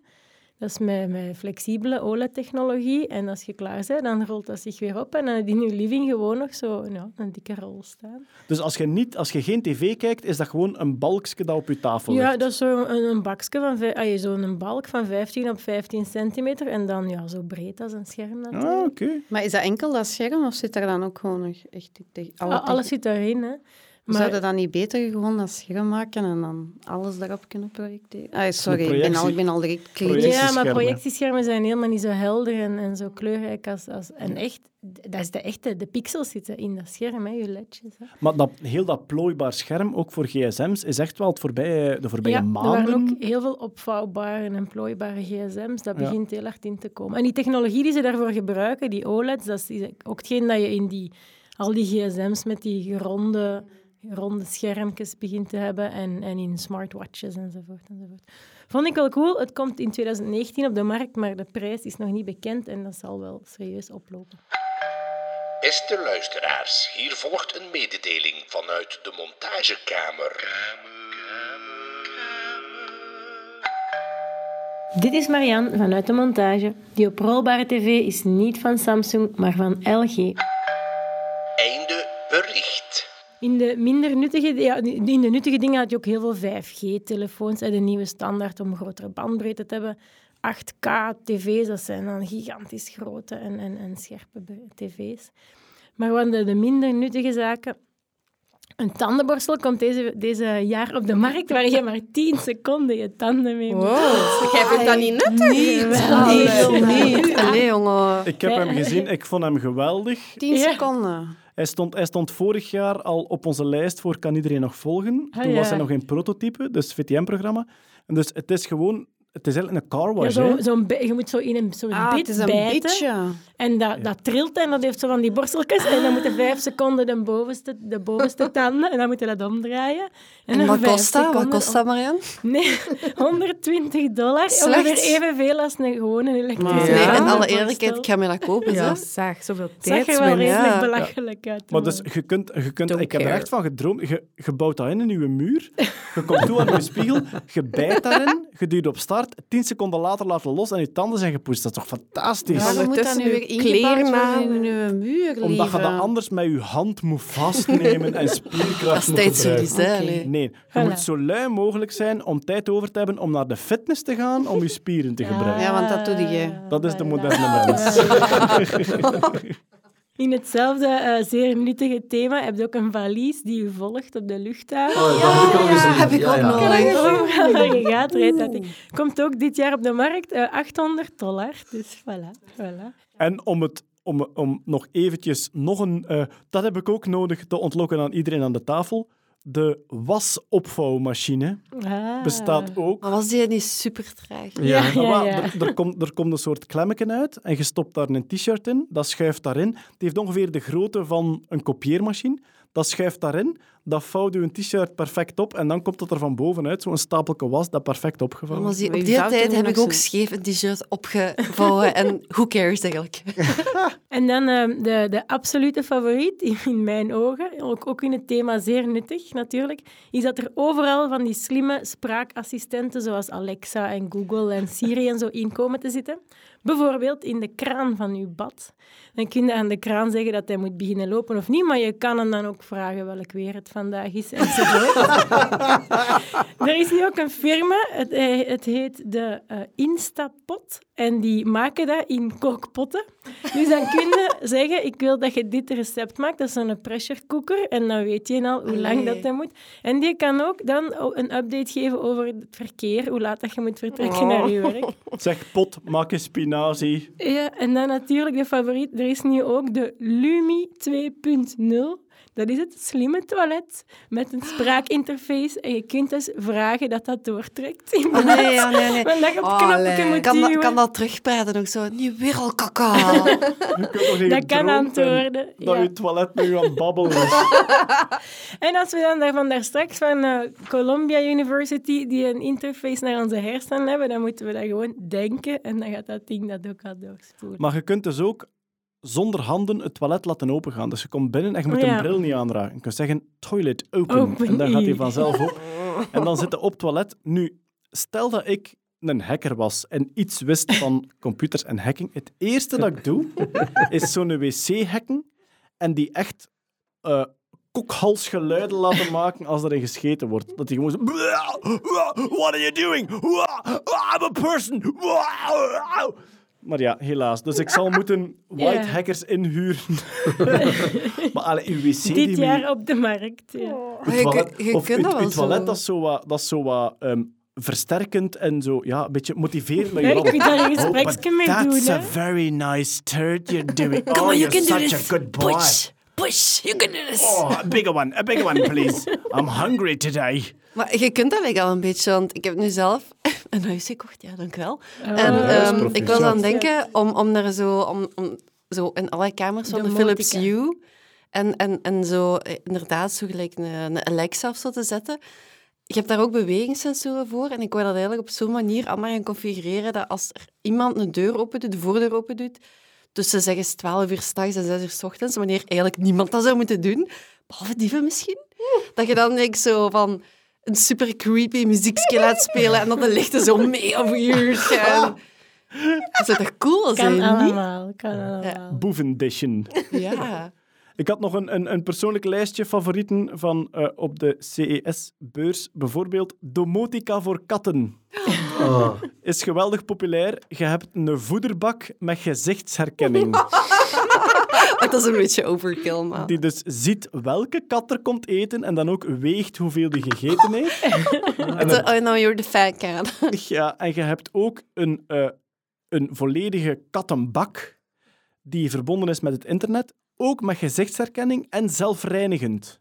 Oh, Dus als de kat, handig. als de kat komen kakken is, dan schept hij daar het keuteltje uit en dropt hij dat in een ingebouwde vuilnisbak. En een soort feature waarvan ik nu niet weet waarom hij bestaat.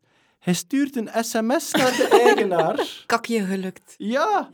Dus je zit op je werk en je krijgt dan... Minouche heeft kaka gedaan op een sms. Met een foto? Nee. Ja, maar in het reclamefilmpje zie je dus zo twee vrouwen zitten op het werk, twee collega's op het werk, en de ene krijgt een sms en die lacht heel gelukkig en toont dat aan de andere. Ik Van ja, sorry, maar allee, ja. Je hebt daar trouwens eh, een, een Twitter van, en dat noemt Internet of Shit. Ik weet niet of iemand dat hier Ah, kent. Internet of Things, Ja, maar dan dat is dan. Internet Ja. of Shit, over hoe al die dingen gewoon misgaan. En ik heb daar één ding over gelezen van zo... Je hebt nu ook van die slimme eh, frigo's.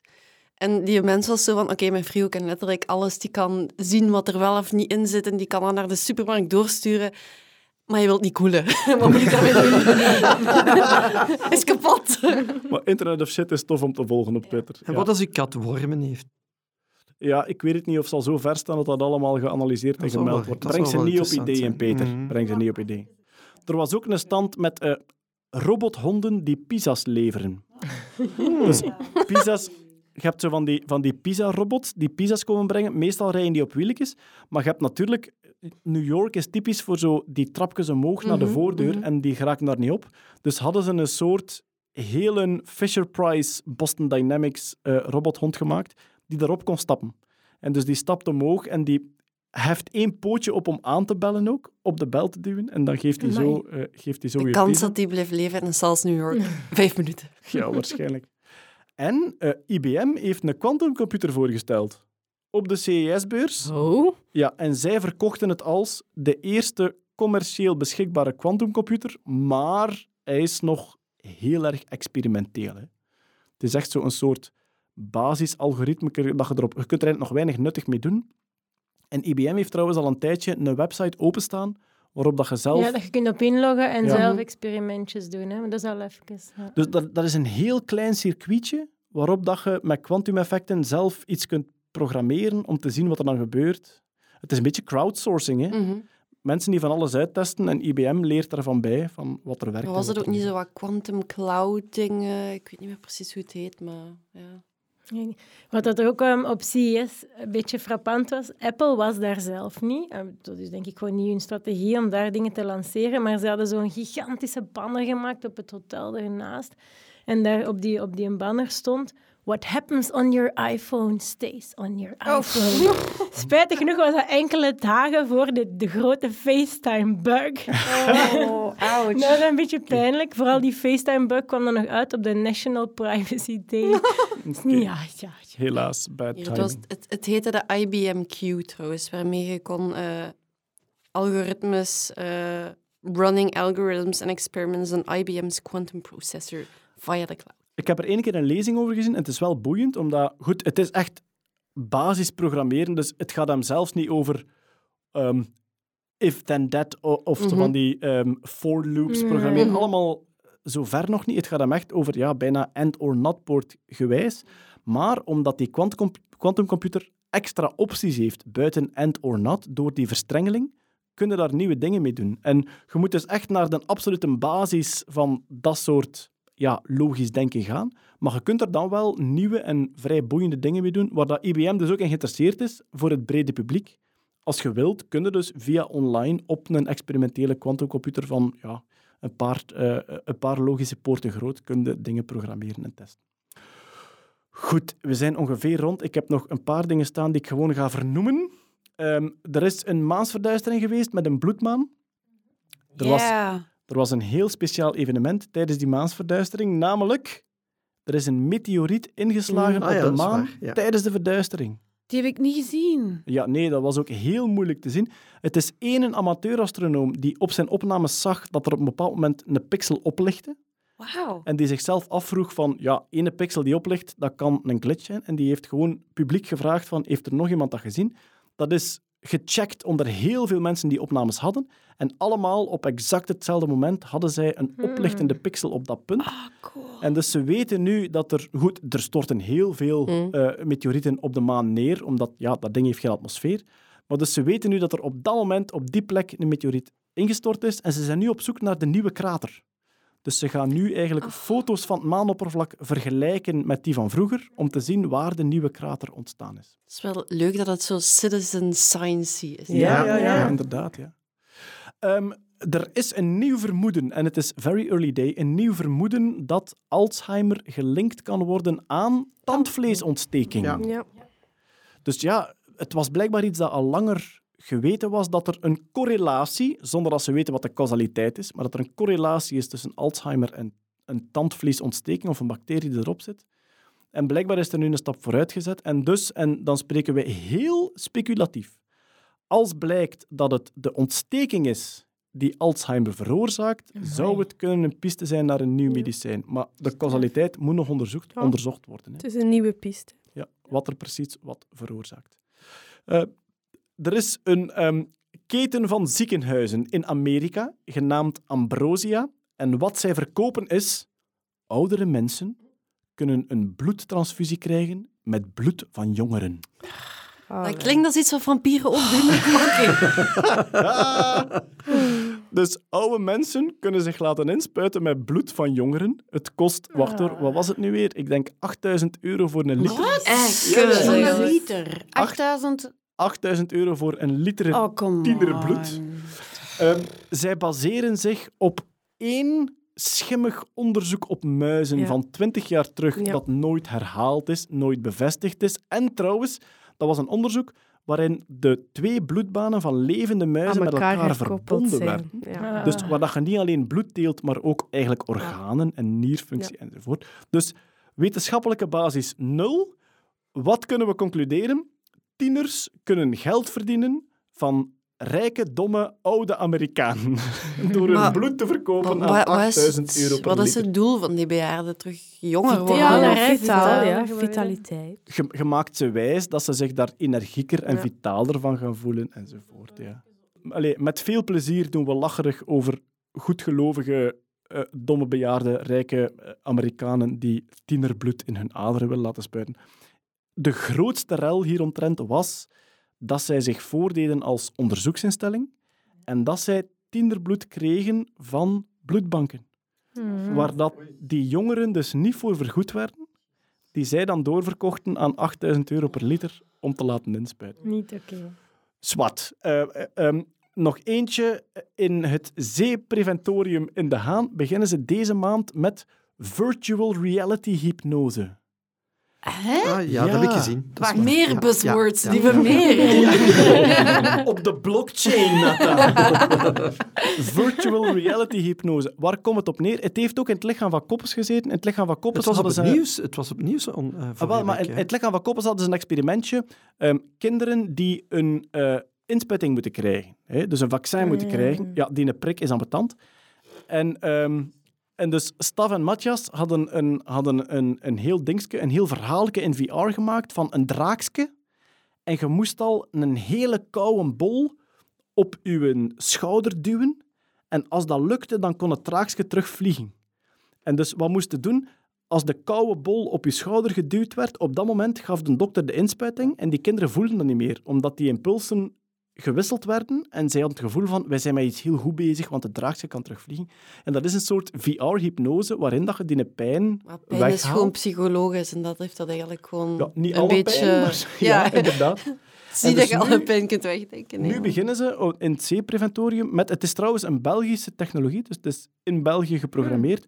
Ook een soort verhaaltjes van als je heel pijnlijke longbehandelingen moet ondergaan, dat je in VR daar een soort verhaal aan ophangt, waardoor dat je een lichtgevende, helende stof inademt, waardoor dat die sensatie plotseling veel draaglijker wordt. Dus zij noemen het VR-hypnose. Het heeft iets te maken met hypnose, maar het is gewoon, je verhaalt heel, alle sensaties die je voelt, stopt in een verhaal, waardoor dat ze minder pijnlijk worden. Anders eigenlijk. overkomt. Dat heeft eigenlijk niks met hypnose te maken. Dat bestaat al langer. Er zijn al veel mensen die daarmee bezig zijn om, om, om, mee, eh, om mensen die een medische behandeling in het ziekenhuis moeten Mm. ondergaan, om daar een soort, ja, soort videogame of een soort virtual reality ding rond te, rond te bouwen, waardoor dat die inderdaad die, die pijnbeleving anders, anders eh, verloopt. Eh, maar, maar om het nu zo hypnose te noemen, ja, dat, dat is het Maar ik echt denk maar het zo immersive niet, is vooral, Dat is het echt niet. Dat gaat Ja. bijvoorbeeld, kijk, bijvoorbeeld mensen die een dialyse moeten ondergaan, of mensen bijvoorbeeld met brandwonden. Bijvoorbeeld. Een van de meest pijnlijke behandelingen zijn mensen die eh, gigantische brandwonden hebben ondergaan en die terug kinesietherapie moeten eh, doen om, om, hun, om hun ledematen terug te moeten gebruiken. Hm, Daar wordt dat, al, daar wordt dat al in toegepast. Hè. Daar worden soort videogames voor gemaakt, waardoor dat die mensen een beleving ervaren, waardoor dat die pijn minder wordt eh, gemaakt. Ah, wel, maar de grote moeilijkheid is, mocht je dat hypnose noemen of niet, de grote moeilijkheid is, niemand weet precies wat hypnose is. En waarschijnlijk is hypnose ook een bepaalde vorm van inlevingsvermogen en verbeelding, zoals dit ook is. Dus je zou kunnen zeggen, hypnose is een soort spectrum van inleving en verbeelding, en dit is daar ook een stap op. Dus kun je dat hypnose noemen of niet, dat is moeilijk. Maar dus nu wordt het door een, door een Belgisch bedrijf worden dat soort verhaaltjes eigenlijk geprogrammeerd in 3D op een VR-bril om op die manier ja, die behandelingen eigenlijk minder pijnlijk te maken. Oké, ik denk dat we kunnen afsluiten. Ehm, wat we nog gingen vermelden is dat we, ja, we, we zijn een beetje aan het onderzoeken momenteel of dat we ergens funding kunnen vinden voor onze podcast. hè. Moment, Geef geld. ja, nee, daar zijn we nog niet. Dat is de volgende fase. Momenteel zijn we gewoon aan het kijken van ja, wij betalen een studio en montage en vervoer enzovoort. Eh, momenteel zijn wij ongefund. En we zijn aan het kijken of dat wij ofwel subsidiëring gaan zoeken, of een Patreon gaan starten, ofwel een sponsor vernoemen, bijvoorbeeld op het einde van de podcast. En dan zeg ik er wel bij, uiteraard, een sponsor waar wij zelf achter staan. Ja. Eh, ofwel, eh, ehm, wacht, zo, wat was de... Merchandise. Inderdaad, We dat was kunnen do merchandise. Ja, we, ma- kunnen t-shirts maken, we kunnen posters maken, we kunnen, we kunnen van alles maken. Hè. We kunnen alles maken, maar het ligt een beetje aan jullie. Wat willen jullie? Voilà. Ja. Dus het is, een, het is een open vraag naar de community. Op welke manier kunnen wij onze werking... Want het gaat hem echt over werking betalen. hè. Het gaat hem niet over onszelf betalen. Hoe kunnen wij onze werking betalen? Wat willen jullie liefst? Merchandising, Patreon, subsidiëring, andere dingen. Zoals je wilt, laat het ons weten. Ofwel op podcast.nerdland.be ofwel met de hashtag Nerdland. En dan eh, weten wij wat jullie daar precies het beste En plan in en als het even kan, genoeg funding toch ook misschien voor die Tesla. Voor de Tesla. Ja, stel, stel u voor. We hebben nu nodig, want we willen allemaal een Tesla kopen. Ja. Voilà, dit was de Nerdland podcast voor deze maand. Eh, hartelijke dank aan jullie om te luisteren tot hier. En natuurlijk gigantische dank aan iedereen hier rond de tafel. Stefanie Dugene, Marian Verhulst, Tot Peter ziens. Berks. Hetty Helsmoortel Met veel en plezier. Natta Kerkhoffs. Ciao. Graag tot de volgende keer. Dag. Dag.